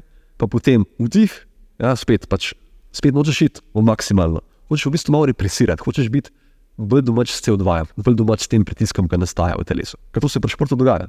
Dogaja se to, da ti lahko dihaš kole. Ja, oziroma, pač, da, da je neskončen pritisk, oziroma hočeš pritisk regulirati. To pomeni tudi, da je prepona, pri kateri se bo premikala, to bo v bistvu resonanco tudi v srcu ustvarjalo, zato tudi srce hitreje bije zaradi tega. Okay? Vse se v bistvu hitreje dogaja v telesu. Tudi prepona, bolj ko bo nežno dihala, oziroma bolj mirno, kar ne pomeni, da se nikoli ne premika kole, ampak bolj ko bo mirno, tudi srce bo bolj mirno zgoraj ostalo. In tako je po v bistvu tem zdrževanju, se pravi, enkrat vdih izdih, 40 metrov sprint, 5 sekund sprint, ja, vdihneš, pa pa ta dvojni izdih včasih pride. Da vse malo zreguliraš CO2, da ga ni preveč, ker več se lahko zgodi to, polekvat. Ja. In hočeš čim hitreje, se pravi, izdihniti, ja, pa pa čim hitreje v bistvu dihanje. Če to izdihneš pred sprintom ali po sprintu? Ali... Um, to še enkrat ja. povem, se pravi, vdih, ja. izdih ja. pred sprintom. Pred sprintom? 5 sekund sprint. sprint. Okay. Ja, pa vdih, vdih. Ah, okay. Več se odvaja, da mehan v bistvu vse zbalansiraš, ker začne ljudi to lahko pred se odvaja. Okay? Pa pa naprej, pa pa normalno. V vodim izdihu, probaš v bistvu čim dihanje zreducirati, okay? sprav spet se naučiti na CO2, pa spet nekje po 30 sekundah vdih, izdih, spet 5 sekund sprint. In recimo, če narediš neko ciklizacijo, če bi govoril tudi o ponovitvah, pa serijah, če boš naredil vem, na dva dni, recimo to ali pa dvakrat na teden za začetek, uh, bo še začetek, bo še koristil samo enkrat na teden, uh, bo naredil vdih iz njih, zdržal do maksimuma, vem, za prvi teden naredil šest intervalov, drugi teden sedem intervalov, uh, vem, tretji teden osem intervalov, pa potem četrti teden spet vem, šest intervalov, se pravi, naredil neko valovito ciklizacijo. Mu bo to že pomagalo, da vem, to je loži po enem mesecu, kar konkretno dvigne um, ponovljivost, ponovljivost uh, šprintov se pravi, nekih maksimalnih gibanj, ne samo šprintov, skokov, kako koli, za 60% brez da bi karkoli drugega prejšlo delo, ob tem, da pač že nekaj dela. In to je par minut v bistvu treninga, ki ga lahko uplete znotraj tega treninga, kar počne. Ampak se to še za cisko naredi, da vem. Prvoške bojke se to pač da, ne vem, zdaj ko ponujajo to žog, nekih drilo bi lahko rekel, se da to upleste eventualno, pa kolesari pa so na kolesu. Zakaj bi z njim tekel? Ne vidim, ne, to je tisto, kar sem rekel, poslušaj čim boljšo aplikacijo, da je tisto, kar počne, poslušam tako integrirati ne iti ven iz tega. Ne želim, ne košarkare učiti olimpijskega dvigovanja, to je drug šport. Ne želim preč posplošiti športnika. Porata bo preč. Kaj pa recimo aplikacija za nekoga, ki samo trenira, recimo v fitnessu, isto lahko potem pri težjih, ali je tu malo drugačen potem princip? Uh, pri težjih bo že tako, v bistvu, zdrževanje, tam je problem pri težjih tudi, če boš ti po izdihu naredil, boš zgubil malo stabilnosti. Uh, tega načeloma ne bi, spoh če ne vem, to nek trening moči kar rabaš vdih, vdih ti v bistvu stvari stabilnost v trebušni mehlini. Um, mislim, lahko ustvari, ne, ne, ne da je nujno to, ampak načeloma, če ti vdihneš, pa če v bistvu nek, če ti rečeš brez in ustvariš, ustvari v bistvu neko tenzijo, s katero želiš um, operirati med tem, kar dejansko si na treningu moči. Takrat ne bi po izdihu delal teh stvari, ko ustvariš v bistvu manj stabilnosti. Uh, Medtem, kar pri šprintu, vseeno, kljub temu, da je maksimalna intenzivnost, ne bo neka, mislim, manjša vrednost, da se kaj naredi, kar pa, pa ne vem, v težjih, tako da vse stvari še kompresiraš. V bistvu, ko daš ti v tež, dejansko stisneš cel sistem skupaj. In že tako, tako bi prepono v bistvu kompresirati, da pa še izdihneš. Tudi ta izdih, uh, v bistvu gre za to, da ne izdihneš na ta način, da se zasedeš, ker smo bili stabilnost. Ampak hočeš v bistvu drugi interval dihanja imeti, ne maksimalen, pa ne tako, da se zasedeš. Ljudem rečeš, da se sprostijo, tudi ta aspekt, ki je tako globina diha, razumljen, se, da se sprostijo, ljudje padejo skupaj. Tako. Gre v drugi ekstrem. Sprostitev ne pomeni pasive, ne gre za kultivacijo pasivnosti, da ne počneš. Sprostitev je klev vmes, med pasivnostjo spet, pa med maksimalno aktivnostjo. Ko se neko gre spat, tudi želiš umreti, misliš, da še želiš umreti, ne pa se ne, ampak nočeš umreti dejansko. Hočeš v bistvu sprostiti to, da lahko v bistvu čim bolj mirno se telo regenerira. In tudi prej, kar si rekel, ko športniki počnemo stvari, to, kar so zdaj omenili, to ti šprinti so nadgradna, predvsem tega, da se oznati umiriti. Da spanje izboljšava, ker spanje je zelo pomemben aspekt cele regeneracije in tudi dihanje med spanjem je zelo a, pomemben aspekt. Se športniki dejansko veliko dostavljajo pri spanju. Mislim, z vsemi, ampak športniki še posebej. Je fajn, zdaj, ko si omenil to spanje. Um, dosti krat se poudarja, da je fajn tudi med spanjem, da se diha skozi nos, ne samo pogosto se pa usta odpirajo. Tako da zdaj je kar popularno, da si nekako zaflikaš usnice, ne? da si daš kakšno trak čez in pa avtomatsko dihaš skozi uh, skoz nos. Verjetno na ta princip tudi sodeluješ. Ja, mislim, tudi to uporabljam. Uh, je pa res, da treba najprej ugotoviti, da posamezniki tudi sposobni dihati skozi nos. Ko se te stvari, spet tehnično je pravilno, ampak aplikacija, če pa nekomu lahko ti, kam usta zapreš, podočiš pač napad. Tudi pri športnikih. Veš, to je včasih tako, da športniki pa nimajo teh stisk. Včasih imajo lahko zelo več, zato ker je telo že prebrnjeno. Tudi prej lahko včasih zbolijo, ko oni so vse čas na meji. Dejansko pol ni več toliko razlike med športnikom in smatikom, ki je vodil. Je vse čas da na meji, da pade čez. In treba biti tudi pri njih pazljiv, da tudi pač kar ne prelepeš usta. In tudi, če nekdo, nekdo želi to narediti, bom priporočil najprej narediti to, da jim 10 minut čez dan, uh, medtem ko sedi, da vidi, če, če bo to sploh udobno. Naj se ne zalepi usta tako čez za začetek. Da se zalepi usta Da v se prvo nauči dihati skozi nos, ne, da mu je udobno in pole. To je mogoče pole osnova, to, ne, rekel, je to osnova. Pol, to je v bistvu spet nagrada, mm. da, da, da Ja, zalepiš recimo, jaz vidim, da je pri sebi, če se mi po noči odflika, trage se tudi lepim ustano, da pole diham skozi nos. Če slučajno kdaj mi pade pole dol in itek pole nezavestno začneš dihati skozi usta, zaradi tega, ker pade pač dol. Ne? In pole vidim, koliko slabše se zjutraj počutim, tako malo v glavi, malo slabša kvaliteta spanca, se mi zdi pa ful, imam suha usta. Ne, lik zaradi tega, ker si rekel prej, če dihaš skozi usta, potem je še toliko dehidracije več. Ne? In je prav je ob- občutna razlika ne, uh, med Mislim, ta dehidracija je um, že tako, tako pač med gibanjem nastane dehidracija. Zdaj, če bo še med spanjem dehidracijo povzročal, bo pa pač še to hujš. Zato se hiperventilacija zgodi, se pravi, ti lahko, če spremljaš puls čez noč, lahko videl kar konkretne viške pulza tudi zaradi hiperventilacije. Vse so lahko ti neki sana, imaš nočno mohre in tako naprej. Ampak lahko, tudi srce, ker načeloma gor pa dol, ker je normalen proces, v bistvu more biti tako, da gre gor pa dol, če je konstantno, ni uredno, sploh če črta. Um, nekaj ni v redu, s tem se samim znikom. Um, in je fino, ja, če se dogaja ta, ta valovanje, ampak spet ne prekomerno. Zdaj, če ne bomo pač mirno dihali, bo tega valovanja preveč v bistvu za, za neko noč. Se pravi, bomo dejansko lahko med spanjem trenirali. Uh, kar se še dogaja pri odprtih ustih, je to, da se dogaja spalna apneja, a pa je ne smrčanje in tako naprej. Spet je razlika v smrčanju, ali še smrčimo skozi nos ali pa skozi grlo. Uh, zdaj, skozi grlo pomeni, da nam je v bistvu uh, padel um, jezik nazaj, prav v bistvu se dušimo. In te spalne apneje, v bistvu pri pri ljudeh, eh, ki nastanejo, lahko v bistvu povzročajo anksioznost. V bistvu se dušiš. Pa kvaliteta Ja, ja, spanca pada, ker se ti nezavestno se zbudiš. Ne? Ja. Tako, pri enih, enih ljudeh se dejansko zgodi to, da se čez dan to pol, mislim, da se pozna, no boš naspan, prej si anksiozen, zjutraj bo ta brain fog, oziroma pač boš malo meglen. Um, in veliko več težav se lahko začne tudi to, kar se je pregovorilo v zobeh, silna se ti začne v zobeh, več zobnega kamna nastane. Pri mladostnikih, oblikovanje črljusti, tudi jaz imam odprt ugriz. Pač, mislim, to zdaj vidim, recimo, to je tisti aspekt, ker druga skupina ponovadi tega ne zaznava. Veš, veliko tudi študenti pač popravljajo zobe pogosto je pa težava ali v čeljustih, ali pa v, uh, v tlini. Ne? Tudi. klini v poziciji jezika, ampak spet glava je podprta v bistvu od spodaj. Večinoma. In zdaj, kaj spet lahko naredimo, to v smislu telesne države, ena stvar je trebušna vrpona, ki je dejansko lahko bi rekel direktno povezana tudi z jezikom a, in to s podplati. Pravi, iščemo v bistvu celotno povezavo, v smislu anatomije, če bi se pogovarjali. Govorijo samo o trebušni vrponi, samo o jeziku, ki, ki jezik počiva. To nam ustvarja, kot smo rekli, nek določen pritisk tudi potem v glavi. Okay. Zato lahko tudi, v bistvu, lahko tudi ti probaš, oziroma tudi tisti, ki gledajo, poslušajo, lahko probaš, če daš jezik na nebo, pa probaš vdihati, boš videl razliko, tukaj noter se spremeni vdih. Kar naenkrat da je glava bolj odprta, se pravi, kar več neke dekompresije se zgodi. Znaš to? Prav tudi z nekimi, zelo fizično se to zgodi.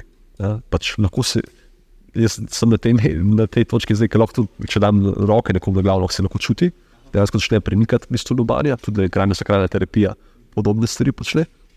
Um, čuti se, se pravi, imaš zelo fizičen aspekt, no, zven se vidi, ti čutiš stvari, je pa lahko tudi v bolj, abstraktnem smislu, veš, kaj imaš na tretje oko in tako naprej, v bistvu tudi na yoga, učitelji in tako naprej. V bistvu lahko dejansko s tem zelo um, vplivaš tudi na neke druge, rekel, bolj te neke spiritualne prakse, če želiš, veš lahko tudi v to smer. Pa predpogoj še zmer biomehanika, se pravi, če se ne premika, boš tam težko nekaj stimuliral, da se bo nekaj spremenil za res. Še vedno v osnovi fizično telo, ne? ker sploh v duhovnosti se dosti krat pozablja, ne samo duhovno, samo tiste stvari, ne, ima še vedno fizično telo je tisti temelj od spodaj.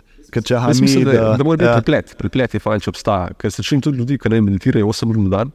Um, ne, pač to, to so vsi so redki, ampak so taki ljudje. In imam občutek pri njih, da včasih telo pozabijo. Oziroma, ga, so, to, ja. so v nekih sferah, ki se, se jih razumem, deloma, ampak oni sebe več ne razumejo, ker mislijo, da telesa ne rabijo, ampak v bistvu jih telo jih boli, jih, eh, ne vem, kronične težave. Uh, in potem se ukvarjajo na ta način s telesom, kot da jim je telo Ja, težavo. tako v bistvu, kot psiha vpliva na telo, tako telo vpliva na psiho. Ne. Zdaj lahko, ti delaš na, duhov, na duhovnosti, koliko češ, ne, ma, če boš telo zanemaril, pole boš mogel še toliko več delati na duhovnosti, da boš na istem nivoju. Ne. Jasno, jasno. Spet je v bistvu kompromis potem.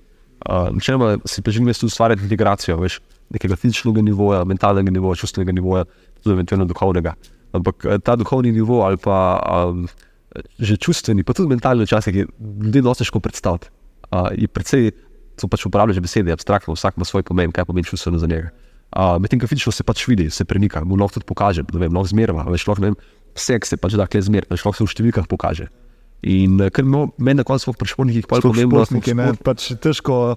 Tudi recimo, sem videl pri sebi, koliko problemov sem imel na začetku, ko sem začel raziskovati te stvari, mentalno, čustveno, duhovno. Pač kot športnik, itak si bolj vezan na materialno, ne, na svoje telo, na feedback, biofeedback in to. Ne. Tako in tudi z tega vidika pa te stvari pri športnikih uporabljam, v bistvu zelo fizično.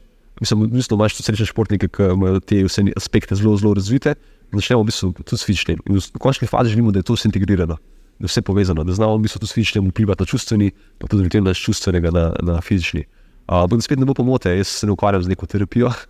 Se pravi, ne terapiram ljudi v smislu tega, da se pogovarjamo, zdaj, kaj je bilo v preteklosti. Seveda me zanima tudi, kakšne poškodbe so imeli in tako naprej, na nekem fizičnem nivoju. Ampak tudi travme, kjerkoli, to so v bistvu uh, interpretacije. Uh, interpretacije v bistvu zgodbe na, na situacijo. En primer je lahko, če mi lahko sediva in naj srce začne konkretno biti. Ja, lahko povzroči anksioznost v nekih telesih, zato ker ni konteksta. Pravi, če ni konteksta, mi lahko tudi neko zgodbo, imamo nek spomin, ki v bistvu sploh ni kontekstu, ki smo, izgubili povezavo in s tem ustvarjamo anksioznost v naših telesih. Ker takrat, ko ti sediš, pa ti srce bije, ni konteksta, zakaj bi mi za srce bil, če jaz tle mirno sedim. Če grem pa jaz teč, pač tam če pričakujem, da mi srce bije. In bom anksioznost tudi manjša tam, pač vzmej, da bo. Lahko je skladno Ja, ja, ja, s tistim, kar počneš. In te stvari se lahko potem spremenijo tudi z našimi spomini. Imamo nek spomin, ki je ni sploh ni natančen. Uh, mislim, pač ni, ni v kontekstu, ali pa, ni, ali pa je naš, naša interpretacija zgodbe. Ja, se pravi, lahko- samo koliko je 5% je zavestnega, ostalo je podzavestnega. ne. Ja, to, to niti ne vem točno, kaj težko bi opredelil. Nisem te, teh stvari nisem meril, spravo, so manj utepljive. Pač neke, Ja, to bolj psihiatri oziroma psihologi. tako, pravijo, neke, ja, ja. neke, jaz bi rekel, neke ideje obstajajo. Zdaj, ne vem, če kako se to zmeri, točno ja, to, to, to ne to je že poznam. malo abstraktno. Uh, Malo abstraktno za večino ljudi. In tudi, ko sem rekel, ne terapiram, ne, ne zanima me to, to um, da gremo nazaj. Vse se ukvarjamo tudi s tem, me zanima v bistvu deloma, ampak bolj me zanima od, odklen naprej v prihodnost. Kaj lahko zdaj spremenimo? Pač ne, da samo rečem ljudem, zaprite usta, pa bo vse boljš. Tudi kako najti aplikacijo, da bo te posamezniki začeli uh, drugače dihati, da bo bolj tolerančni na CO2, da bo v bistvu pritisk lažje reguliral v rečnih uh, področjih telesa. In uh, predvsem zaradi tega, ne zato, da oni so boljši v dihanju. Če se ljudje ne želijo biti boljši v dihanju, če jim pomagam ljudem, da so boljši vem, v športu, da so boljši v poslu. Uh, to, to je zdaj moja, bom rekel, ena glavnih domen. Rekel, podjetništvo, uh, delam s tistimi, ki so raz- zapos- zaposleni v različnih korporacijah in tako naprej, do pač športnikov na drugi strani. Ko pa recimo zaposlene, kako bi to izgledalo? Ali je to spet zavestno dihanje med stresno situacijo, ali je potem tudi kakšne vaje izven te stres, stresne situacije, kako pa recimo neki um, podjetniki, zaposleni, kako lahko optimizirajo dihanje, da bodo tudi za boljše rezultate, boljš počutje in tako. Ja, v končni fazi bi se želel tudi s, komorkoli doseči celo zgodbo. Se za začetek lahko daš take um, dihalne vaje, ki se pravi, ljudje iščejo, oziroma lahko tudi uporabijo, predvsem zaradi tega, uh, da sploh vidijo, ali to se sploh spremenja. Je pa tudi, kot če bi rekel pri, treningu, da bi ta sam treniral, ne vem, počep, pa bi pričakoval, da boš posod boljši. Ni nujno korelacije sploh. To je ena stvar. Da, recimo, če jaz delam z z smučarjem skakalcem, bomo iskali vertikalna gibanja. Ja, če delam z bojkarjem, tudi vertikalna gibanja. Ampak pri odbojki je vse drugače, imaš tudi horizontalne gibanja. Zdaj, če mi zdaj delamo večino mojega programa samo počepe, bo problem. Zato, ker športnika v bistvu odmikamo od njegove discipline. In tudi kle, pač si dam nekemu podjetniku najprej, uh, kako bo izboljšal določeno stvar ne, znotraj sestanka, kako se bo pripravil na javni nastop in tako naprej. Pa želimo vse, spanje, vse v bistvu nekako zoptimizirati. Ne zdaj spremeniti v celoti, pa vse vršiti okrog, ampak postopno spremeniti eh, posamezne aspekte, oziroma prilagoditi, ne, ne spremeniti, prilagoditi. Gre, večino gre za prilagoditve, niti ne za, za totalno spremembo. Uh, in zdaj včasih je tako, da lahko že neka prilagoditev vpliva na poslovne odločitve. To nekaj časa nazaj sem tudi najdel um, en primer um, da bo reči raziskave, sicer tako bolj neformalna je bila, ampak so v bistvu bili dve skupini, sta bila ena je imela, zato še se ne spomnim, kakšen je bil ritem in tako naprej. Ampak ena skupina je, da je reči, da je imela eno dihalno tehniko, uh, namenjeno temu, da se umiri, druga tehnika, mislim, druga skupina je pa imela tako pač, dihanje, kakšno so hoteli, pač, bolj so bili fokusirani na odločitve. In dejansko so veliko več pravilnih odločitev, se pravi, neke kompleksne naloge, se pravi, znotraj podjetništva so imeli, uh, so veliko več pravih odločitev sprejeli tisti, ki so v bistvu namensko tudi. Sam za dve minuti regulira dihanje, ne več. Dve minuti je dosti lahko, da spremeni. To pomeni, lahko, da greš na pred sestankom na WC, uh, da se usedeš pred sestankom, kaj še to prej prideš, pa, pa se v bistvu v avto. Zadih, tako, mislim, usmeriš dihanje. dihanje. Da usmeriš dihanje. Ja. Vse so pa pravim, tehnike milijon.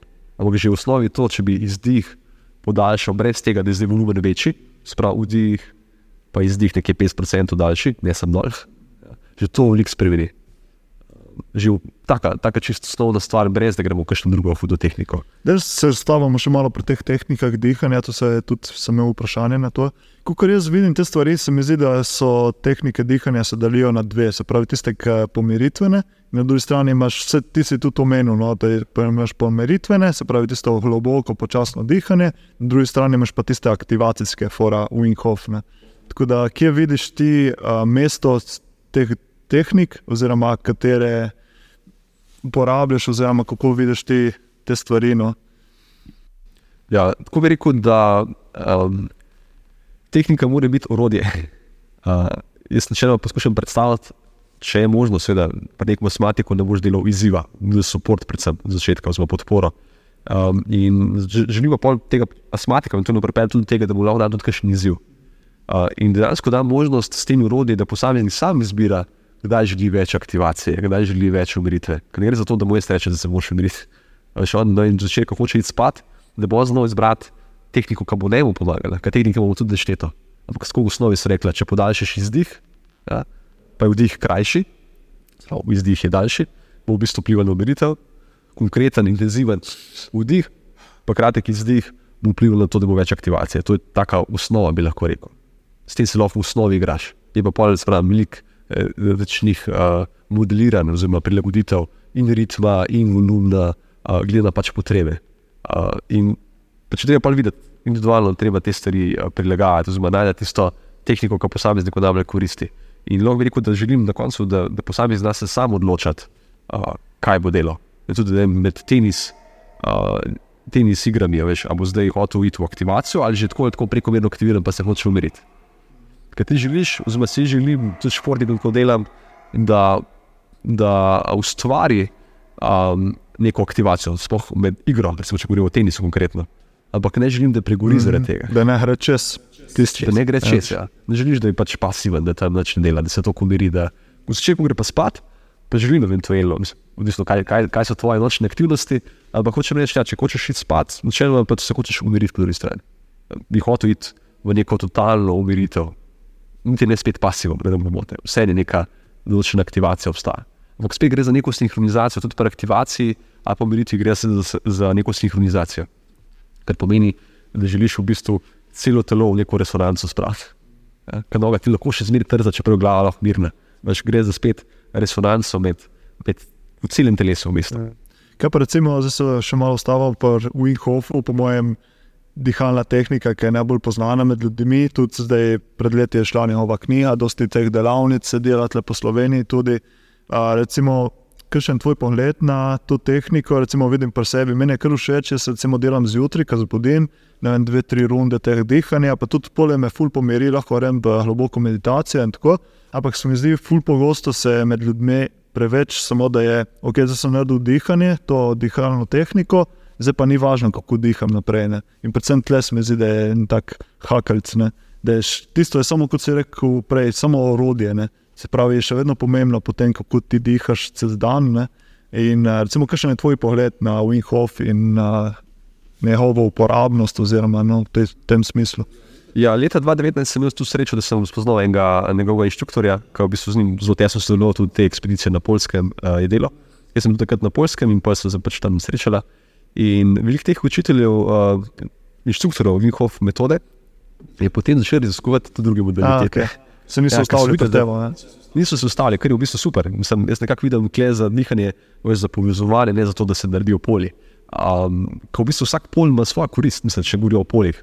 Zato tudi Oxygen Vantage mi je z tega vidika na nek način odprt sistem, ki nekako poskuša upoštevati druge aspekte, poskuša razumeti fiziologijo.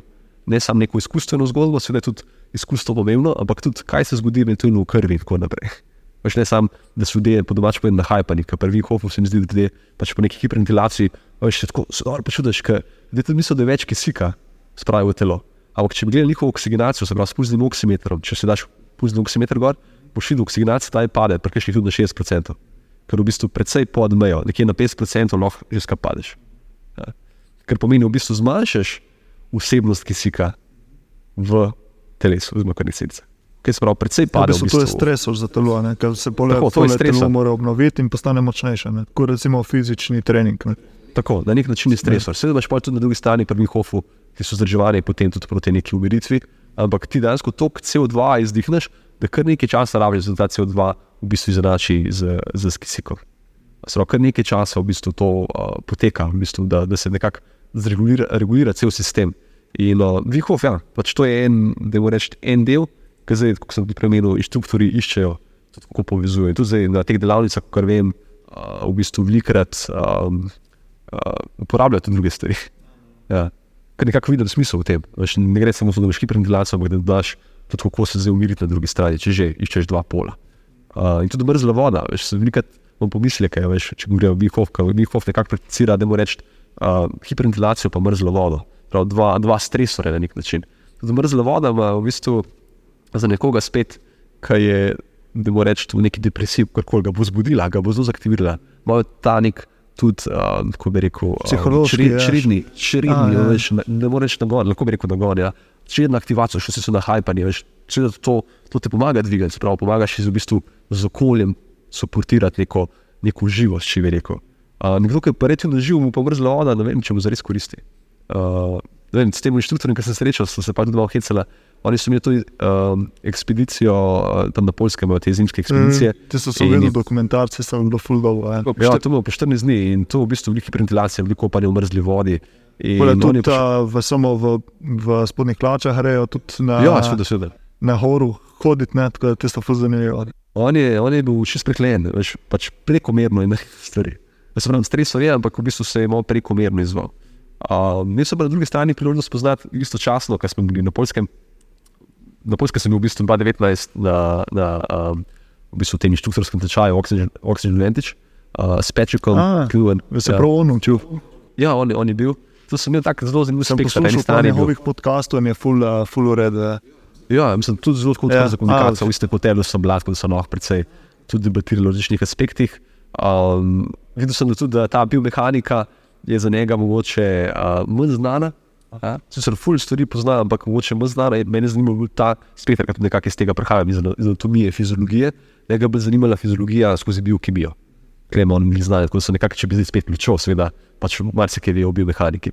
Ampak ja, imel sem priložnost poleg njega spoznati na eni strani tega Vihov inštruktorja, um, ki je pač z Vihovom sodeloval, na drugi strani pa enega, enega francoza, ki pa dela v Fornicih, v košarkarski ekipi a, v. Ameriki. V, to v bistvu od uh, Michaela Jordana je ekipa. ja, ja, ja. In um, on pa v bistvu je pa nek drug ekstrem, bi lahko rekel. nek drug ekstrem pa hotel full umiritev. iti, A, a veš, ok. tem.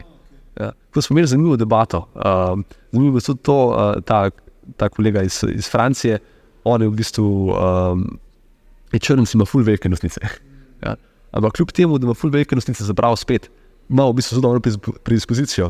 Imel kar nekaj težav, pa ko smo delali skupaj te zdržovanja, sape ali pa dihanje skozi nos, se je tudi rabo kar navaditi. a sem rekel, ne gre za to, kaj A, imamo. kaj je več prostora za mrtvo zrak ali kaj še drugo. Ena stvar je to, ampak če rečeš, ni bil A, vajen, ni bil temu, da vajen, ima- a, v bistvu okej, ima- nima upora za res nekaj hudega, a veš, ko res ima velike nosnice, uh, mislim, v bistvu za njega zelo dober na nek način. Uh, ampak po drugi strani je težko v bistvu tudi dolgo sapo držati, pa dihal skozi nos večino časa. Sploh ne v mirovanju, mu to ni bil problem. Če smo začeli delati nekaj z nekim premikanjem, pa to je hotel usta odpirati. Tudi navada je v bistvu to, da usta odpiram. Ne gre samo za to, da ne moramo skozi nos dihati, ampak včasih tudi mislimo, da ne moramo. Je zanimivo, recimo pri sebi sem opazil, pred leti, ko sem začel, prav, po mojem tudi 2019-2020, sem začel res poudarek na samonosnem dihanju in sem videl, kako se mi je tudi obraz spremenil. Se pravi, nos je širil, malo čeljust širila. In eh, mi je bilo zanimivo, ne, koliko res se premalo daje poudarka na to. Ne. Cela glava se reši, kako se Recimo, reče. tudi uh, James Nestor piše v njegovi knjigi, ne, kako so se uh, lobanje spremenile. Ne. Naši predniki, se pravi, prav dolini, so imeli ful močne čeljusti, zato ker so jedli ful več čvrste hrane uh, in ful boljš, uh, se pravi, ta nos. In, tako. in pole mi danes, ne v modernem svetu, ki jemo mehko hrano, dihamo skozi usta, ne. kako se je tudi fiziologija podrla potem. Tako, to se dobro tudi izpostavlja, v bistvu ta aspekt, da gre za povezavo. Tudi eno je dihanje, ki je zelo pomemben aspekt, ampak ni edini, so reči tudi prehranjevanje, kaj v bistvu jemo, kaj že večemo. Zobstaja že, ne vem, mogoče se sledi v čigumi, ki so bolj trdi, pa v bistvu ne, ta gubo, eni, eni že večejo. Uh, da v bistvu se z eni pritiravajo, drugi stremijo za take trikotne obraze. Ja, mislim, jaz sem tudi tisto doma, ampak sem malo skeptičen, ker pač tudi no, nočem imeti pač takega obraza. Veš. Mislim, koliko je, te, koliko je to uporabno. Ne? Mislim, Skoliko vsako ja. orodje, veš, koliko nož, veš, lahko kruh nareže ali pa enega ja. zbode. Pač, to je um, odvisno od orodja. In tudi tukaj lahko veliko pritiska spraviš v glavo, veš, če boš v bistvu kle, lahko tukaj vsak, vsak trening, kam gre pritisk, gre sam sem, znaš ta pritisk razporediti čez celo telo. Veš, nekaj pritiska seveda hočeš klemeti, ampak ne vsega. In če veliko že večeš trdni struktur, boš imel dejansko kar konkreten pritisk v mišicah okrog obraza ali pa ne v vratu, karkoli. In če to večinoma treniraš, če to tvoj primarni uh, trening na nek način, ali pa veliko fokusa v tem, niti ne rabiš veliko trenirati za res. Lahko je to kratek trening, ampak veliko fokusa na tem, no, par konkretnih mačnih ugrizov, karkoli. Lahko kar konkretno zategne to črnus, lahko ti črnus zamakne, če imaš že štartu, recimo črnus, nekoga zamakne. Uh, spet gre pač za bil mehaniko na koncu. In zdaj, ko si omenil, je prišel ta spet uh, primer oziroma se spomnil, da recimo pri večjih, oziroma tisti, ki so bolj mišični, se pravi, kakšni bodybuilderji, ki imajo tudi večje vratove, tudi potem dihanje oteženo, prije do te slip, uh, sle, uh, slip apnije, se pravi, te ja, apneje. Ja. Tako da tudi spet ni fajn pretiravati. Seveda, v bistvu vrtovi, da jim pri bodybuilderjih, ki še bolj tako naprej. Ne, pole, ne ja, moreš dihati. Ne, pol... V bistvu strukture še tudi pol, ki se sprostijo, oziroma če gre neko pasijo, se sesedajo in ustvarijo v bistvu neko dušenje. Um, težko hraniš nek volumen, sem rekel s tem modelom, kazal, težko je v bistvu volumen ohranjati skozi celotno mm. telo. V bistvu dihalne poti se nek način sesedajo, tudi ženske z velikimi prstmi ali pa z veliko težo, z visoko težo, moški z visoko težo. To gre samo za vrat, tudi za pršti koš, v bistvu mm. te stiska. Tudi uh, pri uh, ženskah, modrc, pa domače povedati. A, stiska, tudi določena, tudi določena utesnitev, v bistvu imajo vse čas nek pas gor, ampak niti ne klek, ki bi hotel pritisk povečevati, ampak v bistvu med rebri. In dejansko vse mišice kože se dejansko na rebra prelepi lahko s časom kar pomeni omejeno gibanje dejansko reber, omejeno gibanje trebušne prepone in tako naprej. Tako da tudi take stvari um, lahko vplivajo. Kako pa recimo trebušne mišice vplivajo na diafragmo, močnejše kot tudi imaš, malo slabše dela. Recimo vidiš potem, ne vem, bodybuilderje, tiste idealna postava, ne se pravi six pack in to tam je pa verjetno ful težje dihati, ne, ker so toliko bolj izrazite mišice. Zelo težko je, glede na videz, ocenjevati. Uh, Telesno drža tudi, uh, če bo gledalci, poslušalci pogledali uh, mojo spletno stran, ki govori nekaj bolj o biomehaniki, zato si lahko video pogledajo. Um, ne gre za to, kako zgledaš, spet okay. kaj, ampak kako to lahko uporabljaš. Tako po slikah sodeče zelo težko oceniti, uh, kako nekdo lahko uporablja telo. In če nekoga vidiš, da je v bistvu zgleda fiksiran, če še zmeraj lahko, recimo, če govorijo, da so tukaj trebušne mišice vmes, bo še zmeraj lahko, ne vem, vdihnil jih, razmaknil, lahko bo zaklon naredil. Pač funkcionira. Pa nekom pa niti ni nujno, da ima trebušne mišice izrazite, pa ne more se kaj narediti, bo pač problem pri njemu nastal, ker ne bo mogel v bistvu ustvarjati pritiska, kar pomeni avtomatsko več težav, ne vem, z hrbtom lahko, več, več kroničnih bolečin, da je težava s prebavili, ker tudi trebušna prepona prebavila masira na nek način. Skratka, en kup težav, ki se jih prej izpostavlja, zelo dihanje, bo dihalni proces bo v bistvu moten. Prav, in biokemija, pa ne samo v smislu dihanja, ampak celotna veš, kislost telesa, če bi temu rekel, se pač spremenja, zelo pH se spremenja, kar vpliva na ogromno procesov v telesu. Ko pa recimo zdaj si, si omenil hrbtenico, da se ukvarjaš tudi s tem, koliko ima dihanje pri tem. Spravi, zdaj itek si omenil, da en, vpliva eno na drugo, se pravi, drža vpliva na dihanje, ampak me recimo tudi zanima, kakšne kronične težave s hrbtenico, kakšne mišice hernija in to, a se da tudi potem z dihanjem nekako to popraviti. V štartu se že da. V štartu se bi rekel, da se že da. Veš, ljudje, mislim, vem, da se ljudje tudi posmehujejo, sem že tako srečen, ja, zdaj pa z dihanjem to naredil. Um, ja, to je tudi malo abstraktno. Mislim, če kdo to, pozna to, biokemijo od zadaj, oziroma biomehanike. Čist ja. jasno, mi je abstraktno. Zato, verjamem, da si težko predstavljaš, sploh, kaj lahko narediš ti s trebušno prepono, kaj lahko pritisk usmerjaš. Uh, verjamem, da se to ljudje težko predstavljajo. Zdaj se težko predstavljajo taoizem, kako v bistvu um, spolno energijo, recimo, z dihanjem usmerjaš. Prav to je tisti del, ki je mogoče še bolj abstraktno za večino ljudi. Uh, ampak ljudi se pa srečujejo vse s hemoroidi, ne vem, z neplodnostjo. To, to so v bistvu stvari, ki se srečujejo. Uh, če bi videli povezavo, bi lahko te stvari eventualno lahko uh, regulirali pri moških, veš, težave s prostatom in tako naprej. Veš, tudi ti, ki sediš, oziroma ki sediš zdaj spoh na takih stolih, ki so bolj mehki in bi nič na dno v bistvu fiksiran. Uh, in več kot sedimo na mehkih stolih, v bistvu, pa ne da smo še kaj zategnjeni, v bistvu ta, ta segment ne dela ja. podrn. Uh, in več kot smo v tem položaju, večkrat je problem. Uh, tako da veliko je, um, seveda, kako se držimo, samo ne samo kako smo v prostoru, ampak tudi kako se iz te drže lahko spravimo naslednjo. To je tisto, kar večino gledamo tudi na diagnostiki, kako se lahko premikamo. A je opcija za premikanje. In če je opcija, pa je vprašanje pri posamezniku, recimo, če nekomu ugotovi, da je opcija, zakaj se ne premika. Um, pa klišče vas, kako, kako lahko uporabi to. In ponovadi je tako, če ti vidiš, da, nekaj, da se nekaj premika, pa da je takrat lažje, da imaš 30% večjo moč, kot koli. Jaz to vidim razloga, zakaj tega ne bi uporabljal. Mislim, tudi lahko, če nočeš. Ja, ja, ja. Ampak ponovadi ljudje prepoznajo to in uporabljajo. Ni tako, da pač bi rekel, okay, zdaj pa ne bom teh 20% imel. Tudi če ni vrhunski mm. -hmm. športnik. Ko 20% lažje hodiš, 30% lažje hodiš. Dejansko se vse um, zelo v bistvu začne premikati, tudi vretenca, zakaj se na krpnici ne morem pokazati, ampak lahko si to ta model uporablja tudi kot, um, kot gibanje vretenc. Če je to eno, recimo, da je to zgornje vrtence, uh. -huh. če ne vem, uporaba kjerkoli kjer segment, zgornje pa spodnje vrtence. Z vsakim vdihom v določeno pumpanje skozi hrbtenico. Okay? Seveda, če to zaznamo, pa se tega zavedamo. Dejansko, podmač povedan, se hrbtenica pumpa. Uh, v angleščini je to izraz imbibition. Uh, dejansko se diski, ki so v bistvu veliko vode vmes, se dejansko začnejo tudi vem, pri disku s hernijah, protruzijah, v bistvu začnejo masirati z vdihom. Prav, dva vretenca se razmakneta, potem gre se skupaj, v bistvu je vse čas masaža tudi hrbtenice. Um, gre v bistvu za, če govorimo o hrbtenici, pa išija, so kakorkoli. Prav, v bistvu celo hrbtenica zadiha na nek način, hkrati pa seveda tudi, če enkrat prepolno boljše uporabljamo, oziroma znamo dihanje tudi z tega uh, pogleda gledati, oziroma skozi to prizmo dih, gibanja gledati, dejansko lahko ustvarjamo drugačen pritisk v trebušni votlini, pač ne neko rigidnost, ker dosti ljudi tudi trenira rigidnost, z vsemi temi plenki in tako naprej. Faj, če znamo to tenzijo ohranjati, ne glede na to, kje se pač v prostoru nahajamo. Um, dejansko ustvarjaš to, da ohranjamo pritisk, pa še zmeraj so ljudje sproščeni. Mm. Ne gre, Ja, ja.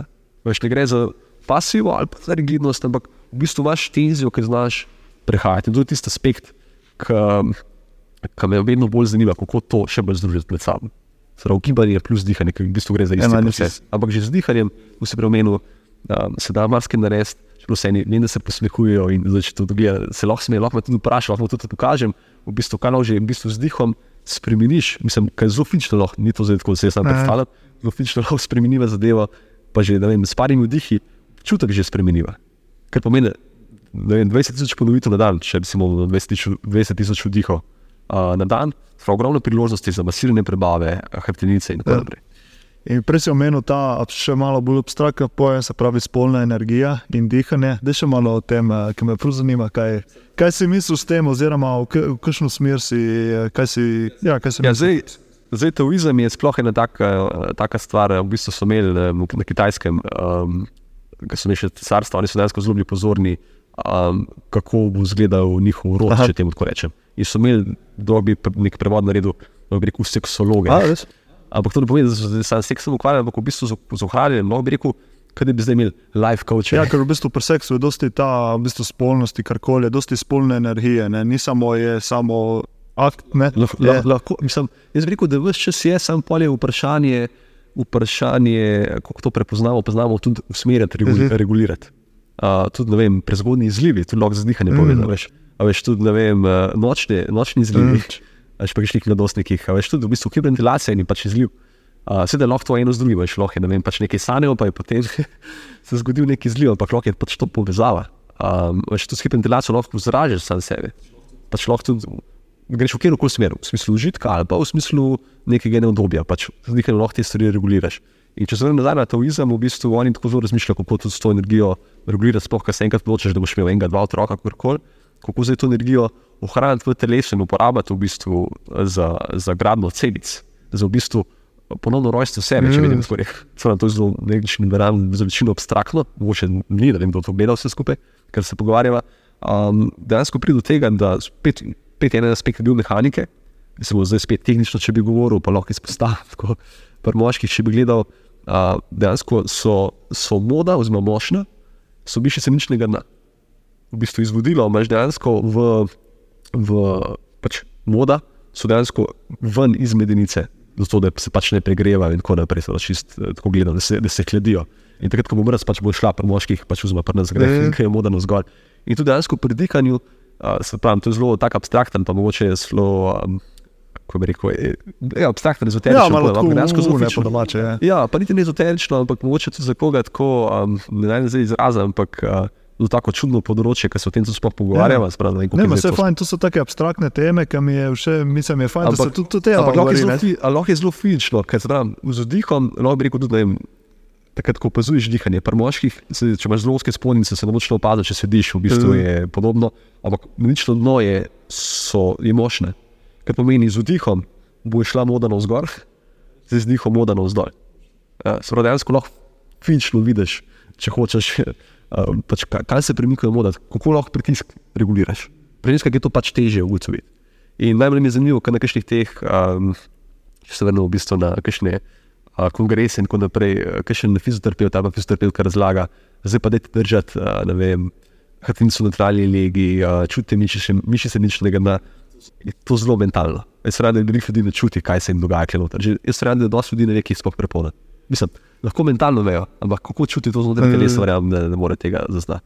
Tudi en tak preprost tež, tež za prepono, če se ne koncentrira preveč na samo talijo, je to, če vnoriš vdih in izdih, se prime za nos in probaš vdihati.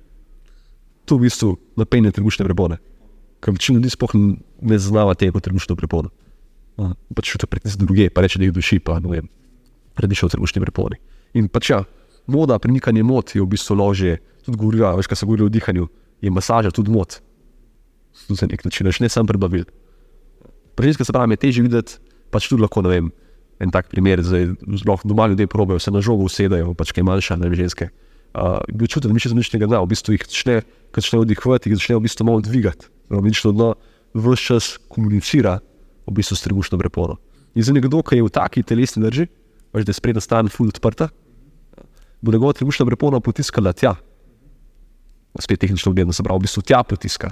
Ne bo to dobre komunikacije, če ne bo nekdo usporedil. Zato tudi neka primerna telesna drža, da ne govorimo idealni telesni drži, bo, bo bolj iskana, zato ker bo dihanje v bistvu integracija celega sistema, se pravi, mišice medičnega dna, po eni strani, se pravi, tukaj spodaj, plus trebušne prepone uh, od zgoraj. Uh, in ja, taoizem je v bistvu pol nekak aspekt izven te anatomije, še, še seveda, se pravi, oni verjamejo, da v bistvu so to energijo, ki jo uporabljamo v bistvu za vsak izliv, jo lahko uporabljajo za ostale stvari. Ja. Lahko za kreativnost. Ja, To se seveda. dosti poudarja. Mogoče se je, sigurno, kdo, ki še fant, moški se je ustavil pri tistem, ki se je rekel, da lahko z dihanjem preprečiš izliv. Uh, kako to izgleda v praksi? Mislim, verjetno s kakšnim malo bolj umirjenim, počasnim dihanjem, oziroma dihanje v. No, si ne, predstavljam, si vem. Ja, ena, ena stvar je to, sem spet, več želiš v bistvu to, seveda pol povezano z miselnim procesom in tako naprej. Lahko bi rekel, to več energijo, to segrevanje, kar nastane, recimo, če govorijo o spolnem odnosu, ko nastane okay. v bistvu, v, bom rekel, ko se segrejemo, ja, ker moški se pač hitreje segrejemo, čisto preprosto, ja, kaj ženske. Veš, eh, in pregorimo zaradi tega. lahko, lahko pa v bistvu, če se naučimo, lahko dejansko začnemo regulirati te stvari, kar pomeni, da dejansko lahko namensko ohlajamo uh, naše, naše orodje, naše orodje, kar pomeni, da lahko dejansko um, to energijo v bistvu usmerjamo drugam. Dejansko lahko nek spolni odnos služi tudi kreativi. To je v bistvu moče tudi deloma se tantra tega Mm, dotika. tam trend. Zdaj, zdaj spet odvisno, veš, ne bom rekel, da se vsi. Eh, Veš, spet pri teh stvareh je zmer tako, veš, lahko je. Imaš različne, različne stvari, lahko srečaš. Eni pač izkoriščajo, en drugega, imaš pa tudi dejansko zelo stvari, um, ki so usmerjene v zdravje. in tako Mhm. naprej. Imaš pa v bistvu sam, eh, ne vem, plačljive spolne odnose, bi lahko Mhm. rekel temu. Um, in klej, ker gre za to, da lahko to energijo pač preusmeriš navzgor. Uh, in dejansko ne samo, da jo navzgor preusmeriš v glavi, ampak v bistvu lahko začneš časoma pač reciklirati. In tudi v smislu dihanja, pač tudi ta potisk prepolno navzdol. Ti tudi vem, na počepu, če gre zdaj malo nazaj, na bolj fizično, ti lahko energijo zelo tlapno usmeriš. In zdaj, če govorimo pa psi, psihološko, mentalno, čustveno, više energije, ki nastane, lahko daš v zemljo, se pravi, spet prizemljiš se na nek način veliko bolj. Ker pomeni, da ti daš silo odvečno v središče zemlje, ker zemlja marsikaj prenese, zemlja je tudi bolj hladna na nek način, tudi ko hočeš bos in tako naprej, se tudi v bistvu prizemljuješ direktno, lahko pa dejansko to energijo ven potegneš iz zemlje. Kar pomeni, da takrat, ko rabiš pač nek višek energije, lahko pač daš v sebe, se pravi, ko bi hotel se aktivirati. Uh, in to spet, veš, ena stvar je ta dihanje, ki je pač lahko fizična, se pravi, premikanje prepone, lahko pa vse te stvari mentalno upoštevamo, uh, usmerjamo tudi, ker na koncu koncev je vse to, kar se zdaj pogovarjajo, pač zgodba v naših glavah, ideja. Sem, da kaj je res, kaj ni, pač ne vemo za res. Uh, in ker nekdo reče, da ja, to, to je pa samo v glavi, pač če deluje, zakaj ne bi tega uporabljal? Ker tako kot ljudje ne poznajo, doskrat, ne vem, uh, kako elektrika funkcionira. Ampak pričakujejo pa na to, da bo na stikalo pritisnil, se luč prežge, načeloma. A pa ne gre, garažna vrata gor ali tako. In uh, če to funkcionira, pač ne vidim razloga, zakaj nekdo ne bi tudi se teh urodij posluževal, recimo, če nekdo dela take prakse, ne vem, tudi taoizem in tako naprej. Uh, Verjamem pa, da lahko, če že na fizičnem nivoju pomaga, da je pri hemeroidih, pri, uh, tudi ne vem, pri, uh, da mu reči, pri težavah, pri težavah z erekcijo, praktično. Veš, tudi dušikov oksid je v bistvu vazodilatator. Yes. Mm. Zdaj, če bomo videli skozi nos, bo vazodilatacija, kar pomeni, da se žili razširijo. In Viagra v bistvu je to. To je Viagra. Širi žile. Žile, žile, žile, širi, širi žile. In dejansko mi tudi z dihanjem lahko v bistvu vplivamo na, pač na erekcijo. To je isto dopolnila, recimo arginin, citrulin, ne, širijo žile. Ne, tudi, recimo, tisti, če ima kdo težave pri spolnih odnosih, ne, recimo se uporablja kakšen citrulin, arginin, da malo pospeši vse. Ne, In laže. Zdaj, ko smo pri tem, bi te še vprašal, sem zasledil, pa mislim, da je tudi McCowan, se tako izgovori. Patrick McNuen. Sem to zmeraj. Mislim, da bo, če boš njega ja. vprašal, bo drugače. Je, uh, ima tudi eno posebno dihanje, epo dihanje. Poznaš to? Epo, zdaj v katerem kontekstu? V bistvu za produkcijo epota, oziroma za nadomestek okay. epo, na, naravni doping. To sem videl na enem newsletterju že pred leti nazaj. Se pravi, kako lahko ti na naraven način se dopingiraš, prav z dihanjem, Zapravi, da povečaš rdeče krvne, uh, krvničke. Tako da moče še, ker smo jih pri tem. Ja. Jaz to isto. Mislim, rdeče krvničke, to so tudi z enim kolesarjem v preteklosti, ne, dve, tri leta nazaj, ki so delali. Uh, mi ljudje ne smemo povedati, s katerim so delali, ker so kolesarji imeli veliko tumoritev, sponzorjev, okay. uh, da pa če smejo z nobenim drugim sodelovati. To mi je tako zanimivo. Uh, veš pa samo znotraj tima, lahko pač to je kolesar na World Touru. To se lahko tudi vidi pač na Borturu.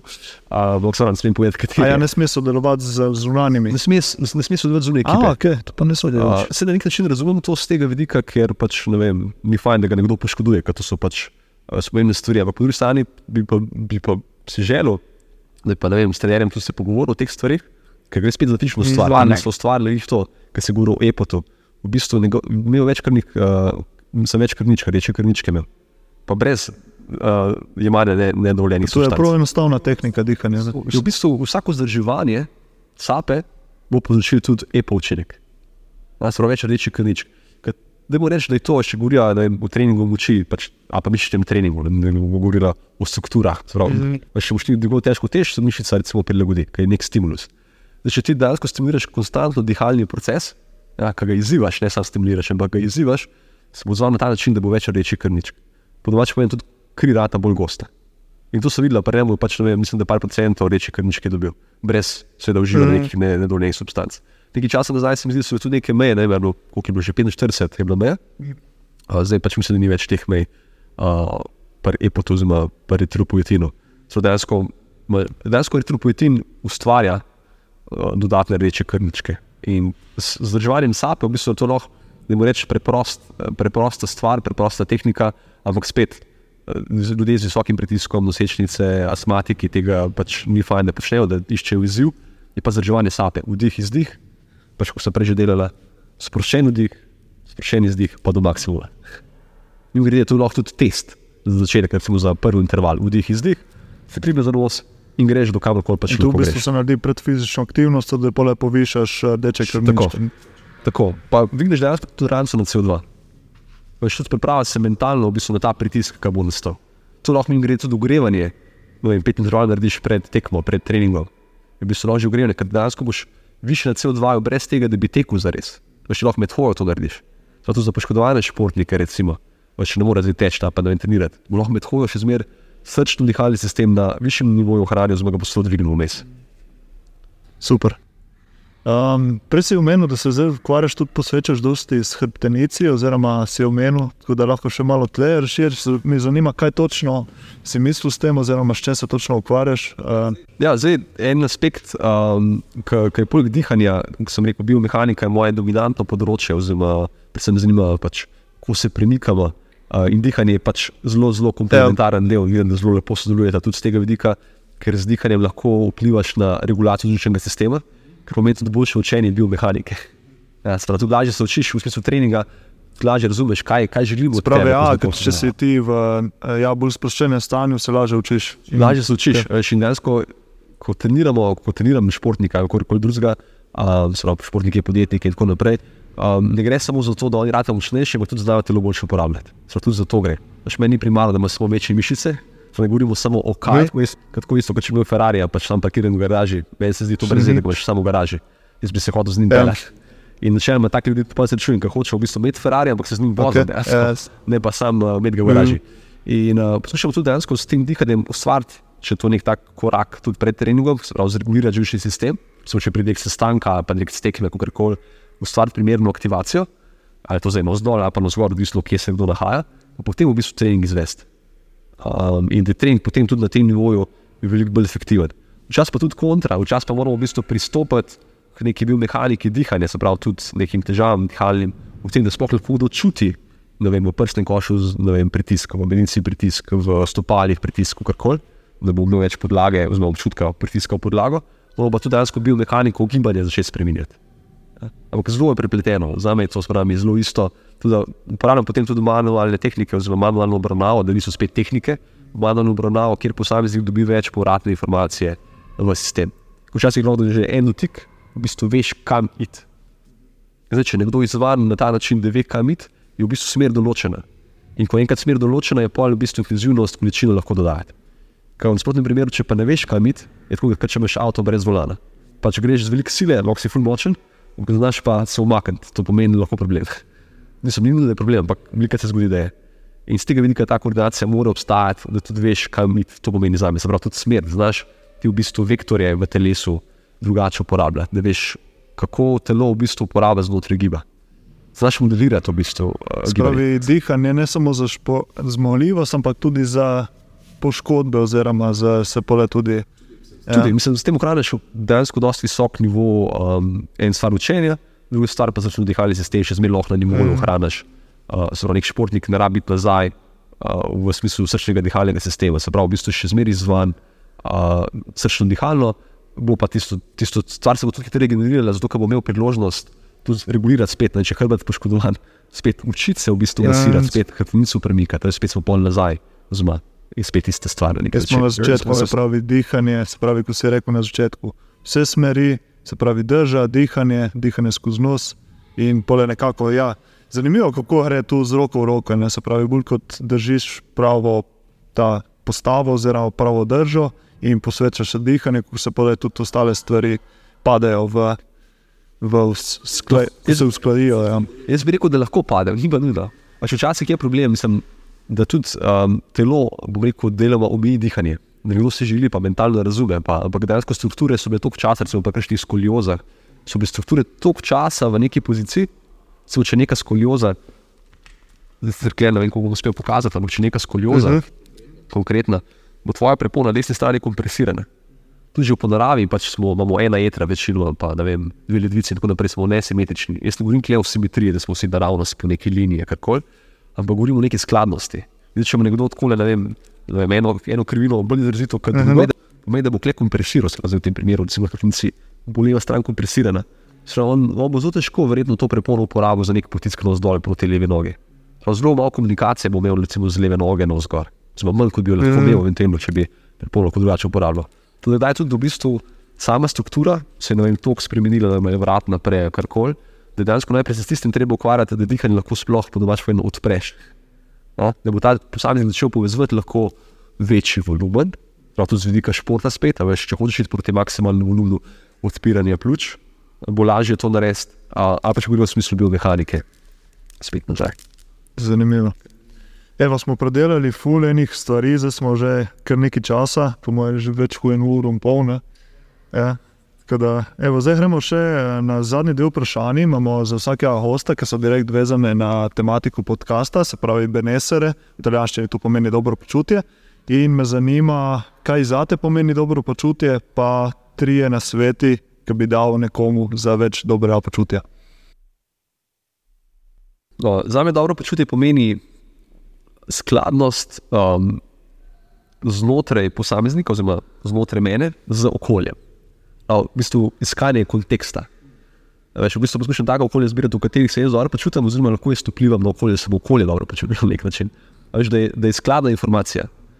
In uh, tudi v smislu potem, to dejansko takrat pomeni, da si znotraj flowa, da se dobro počutiš. Uh, ker v bistvu je informacija skladna, kot sem prej rekla, če srce bije medtem, ko sediva, nekaj ni v redu, nekaj, nekaj narobe. Ali pa kontra, medtem, ko bi šel, ne vem, full teč, pa to po srcu v bistvu ne bije, kot bi mogel, tudi nekaj ni, ni v redu. Torej, ja, to je v bistvu dobro počutje za me. Medtem, če bi pa dal usmeritve, bi pa dejansko iz tega lahko iz, izviral v, bistvu, v smislu te skladnosti. Nekdo, ki veliko sedi, pa se zelo veliko samo pogovarja, v smislu tega, da gre pač navznoter, meditira in tako naprej. Takemu posamezniku bi celo priporočil, da gre ven iz sebe, torej, da gre v naravo, pa opazuje naravo izven sebe. Da v bistvu se ta informacija uskladi, ja? da bo pač čutil okolje hkrati. Tisto, kar je pa veliko izven sebe, v bistvu, ne vem, večina športnikov tudi preskočijo, recimo, veš, kako hoče žogico in tako naprej. Tako bo priporočeno, da se v bistvu eventualno časoma, če gre v drugi strani, umakne vase. Ja, se pravi, da dejansko ima ta aspekt prehajanja v svoj svet, notranji svet, se pravi, v bistvu rata skladen z okoljem. Ko v spodnjem primeru se bo zelo težko čutil dobro. Uh, in kje so pač, ne vem, če govorijo najprej o tem, da najprej že to lahko mentalno lahko prehajaš, da če si v naravi, pač ali je fokus na sebe ali je fokus ven, odvisno v kakšnem stanju so, se pravi, ekstrovertirani ljudje je fajn, da imajo fokus na sebe in obratno. Se pravi, introvertirani fokus eventualno ven. To je v bistvu lahko bi rekel spet osnova. Zdaj, ko to lahko v praksi narediš, je bilo to za nek, da bo reč, prvi aspekt je ta mentalni, Ja. ja, kako kam projiciraš svoj fokus. Drugo, fizični, bi bil lahko ta, da greš pač um, hoditi. Ja. Ker to pomeni, da se premikaš naprej. Ja, in dejansko boš takrat imel tudi, uh, bom rekel, gibalni korteks v možganih v bistvu aktiven, hkrati bo celo telo bolj angažirano, kar pomeni tudi s tem mentalnim, v bistvu se boš premikal, veš, dobiš prostor na vzven. Ja, se pravi, iz sebe se pomakneš, ko hočeš tja prideti. Ja. Potem pa hkrati lahko ohranjaš fokus na sebi, recimo tako, da si pozoren, pozoren na dih za začetek, med prehodom. Prav fokus na sebi. In med, tem, že med tema dvema stvarema, če krožiš, ja, bo v bistvu um, že dost stvari, da boš skladen z okoljem. Sprav, imam fokus tja, imam fokus v sebi. Ja. Zdaj pa, če bom pozoren še na obliko dihanja, v bistvu pa še tretji aspekt, bo pa, um, kako si predstavljaš, se to zdaj ideja, da govorim o ideji, ampak dejansko se pravi, človek sproba. Sprav, grem izven sebe, potem vase, zdaj, če sem pozoren še na obliko, pa na številke, tako se pregovori 4-6 dihanje, pomeni tudi leva, desna možganska polovica. Kaj enkrat dobim center. Si predstavljaš, veš, si ven, si noter, levo, desno. Veš, si v kontekstu. In to v bistvu dobro počutim, oziroma zdaj so že v bistvu usmeritve. Potem pa tretji, in mogoče tretja stvar je bolj kot izziv. Nekako sem jih povezal zdaj skupaj, ker se mi zdi, da je fajn, da se povezuje, se pravi najprej mentalno, potem je že to druga vaja, veš, hoja, pa dihanje. Uh, lahko je pa že tretji, tretja stvar, ki je pa že kar konkreten izziv, da se pokvarjaš veš, tako, z pingi, se pravi zelo kratkoročnim um, usmerjenom pozornosti na vzven, ja, se pravi hoja, kakšen korak naredim, kako diham, pa bo šel čim premikam levo, desno. Okay? To imaš tudi pri psihoterapiji in tako naprej. In če te tri stvari, pač IMDR terapija, poznaš, ja? repi daj moment, ko v bistvu se očke hitro premikajo, v bistvu pri hipnozi uporabljaš in tako naprej. Ampak ne, da se sam to tam uporablja, tam se v bistvu potencira to, uporablja se to že tako, tako samo od sebe, mislim, se dogaja, ko greš v naravo, ko imaš horizont, v bistvu oči začnejo same migati. Če boš zdaj hodil, boš videl, da učke se premikajo levo, desno. Če to izrazito mi namensko delamo, potem če krožimo, se pravi, gibanje oči, moj dih, ja, moj korak, veš tri stvari, ki krožiš, veš zelo kratko se v bistvu staviš. Analitični um se skoraj ugasne okay? in dobiš hodečo meditacijo. Kaj ni kle, noter znotraj mene, zelo izven sebe, ampak si kle noter, veš tudi leva, desna možganska polovica. Zdaj ne moreš zares analizirati, ker si zelo kratek čas na vsakem aspektu, ja? ne ustavlja se in danes ti rata vse enako vredno na nek način, se pravi zelo flow. In pozitivno nočeš kjer ustvariti, zbral. Okay? Zato je zdaj pač ideja, to zdaj malo testiramo, tudi mi grede, um, če kdo gleda ta podcast, kakšen um, ki se ukvarja z neuroznanostjo, Dobro. zelo dobrodošlo. Ker v bistvu zdaj nisem začel sodelovati, ampak moram priznati, da, da nisem tako odzivnik, kot bi si želel, ker želim te stvari testirati tudi, kako se spremenja v bistvu kognitivna danost. Nisem še en kul cool slišal, ja, je pa super, mislim, zelo zanimiva ideja. Ja. Ker bi to nekako pokazal, da se možgani v bistvu spremenijo. Ja, zaradi sigurno, tega, ja. to namensko počneš, v bistvu možgani ratajo bolj skladni. Skladni s srcem, zdravalni srca z dihanjem, da se cel telo rata bolj reson, reson, resonančen. ampak Ja, nekako moraš dobiti uh, Vrtulence. Hubermana ven. Ne? In, Ja. Če Ja, ja, ja. hočeš nek premik v znanosti, je Andrew Huberman, ne, samo ja, on je že kar um, strokovnjak, oziroma nek Ja, celebrity. zdaj, ne. ne, z- zdaj ne vem, kako se ukvarja v bistvu s kognitivno znanostjo v smislu meritev. Uh, zdaj neurofeedback je v Sloveniji, mislim, da je eno ali dva podjetja. Um, in sicer eh, neurofeedback, se pravi, meritve dejansko, da vidiš, da neko so ljudje na to pripravljeni za res, v smislu produkta ali pa Ja. Da bi se s tem ukvarjali. Um, jaz poskušam to nekako spraviti v nek produkt s časoma, da boš dejansko hodil, premikal oči in tako naprej. Uh, bil pozoren na hojo, izboljšal tudi hojo, da pridem do tega, da se pač kognitivno zadeve spremenijo. Da si lažje v flow, ali v pogovoru, ali na sestanku, ali kjerkoli. Ampak to so zdaj pač nekako um, ideje za uh, prihodnost. testirali, prav testirati. Mislim, kul. Lahko se pa igraš, Ja, itak. igraš pa boš videl, koliko v bistvu uspeš se igrati, oziroma prehajati med različnimi, različnimi prostori, bi lahko rekel, prostor izven tebe, prostor znotraj tebe, pa levo, desno. Kaj se zgodi znotraj telesa? Ja, ker se ful hitro se ujameš v svoje misli, ne? ali svoje misli, ki so povezane na noter ali na ven. Ne?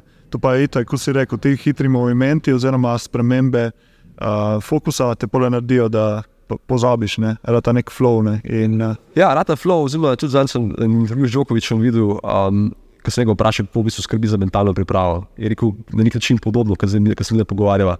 Sprav ne, da zdaj um, se hoče on namensko umiriti, ja, ampak če jih treba preklapljati proti umiritvi, veš ne zdaj, da boš ti odmislil vse, pa si skozi pozitiven. Pač vse, da bodo take misli, ki jih ne želiš recimo niti imeti, ampak da znaš preklapljati in to drugo smer. Da če jih greš preklop in te preklopi te v bistvu tudi pripravijo do tega, da si v bistvu na centru, kar ne mogoče biti konstantno na centru. In dober je tisti, ki se čim večkrat zna vrniti v fokus, ne tisti, ki zna biti sam tam ali pa kle. Uh, športnik, podjetnik, človek, uh, kdorkoli. Kjerkoli posameznik. super, evo. Hvala, Dalibor, za udeležbo. Bilo super, zanimiv, ful zanimiv po- podcast. Jaz mislim, da tudi ljudem bo zanimivo poslušati. Tako zelo lahko zdaj. Hmali pripraviš eno delavnico, tako da lahko deliš malo več od tega. Tiste, ki bo zanimalo, lahko pride tudi pole uh, praktično narediti k tebi, še malo tam, verjetno še malo več v praksi delaste in tako.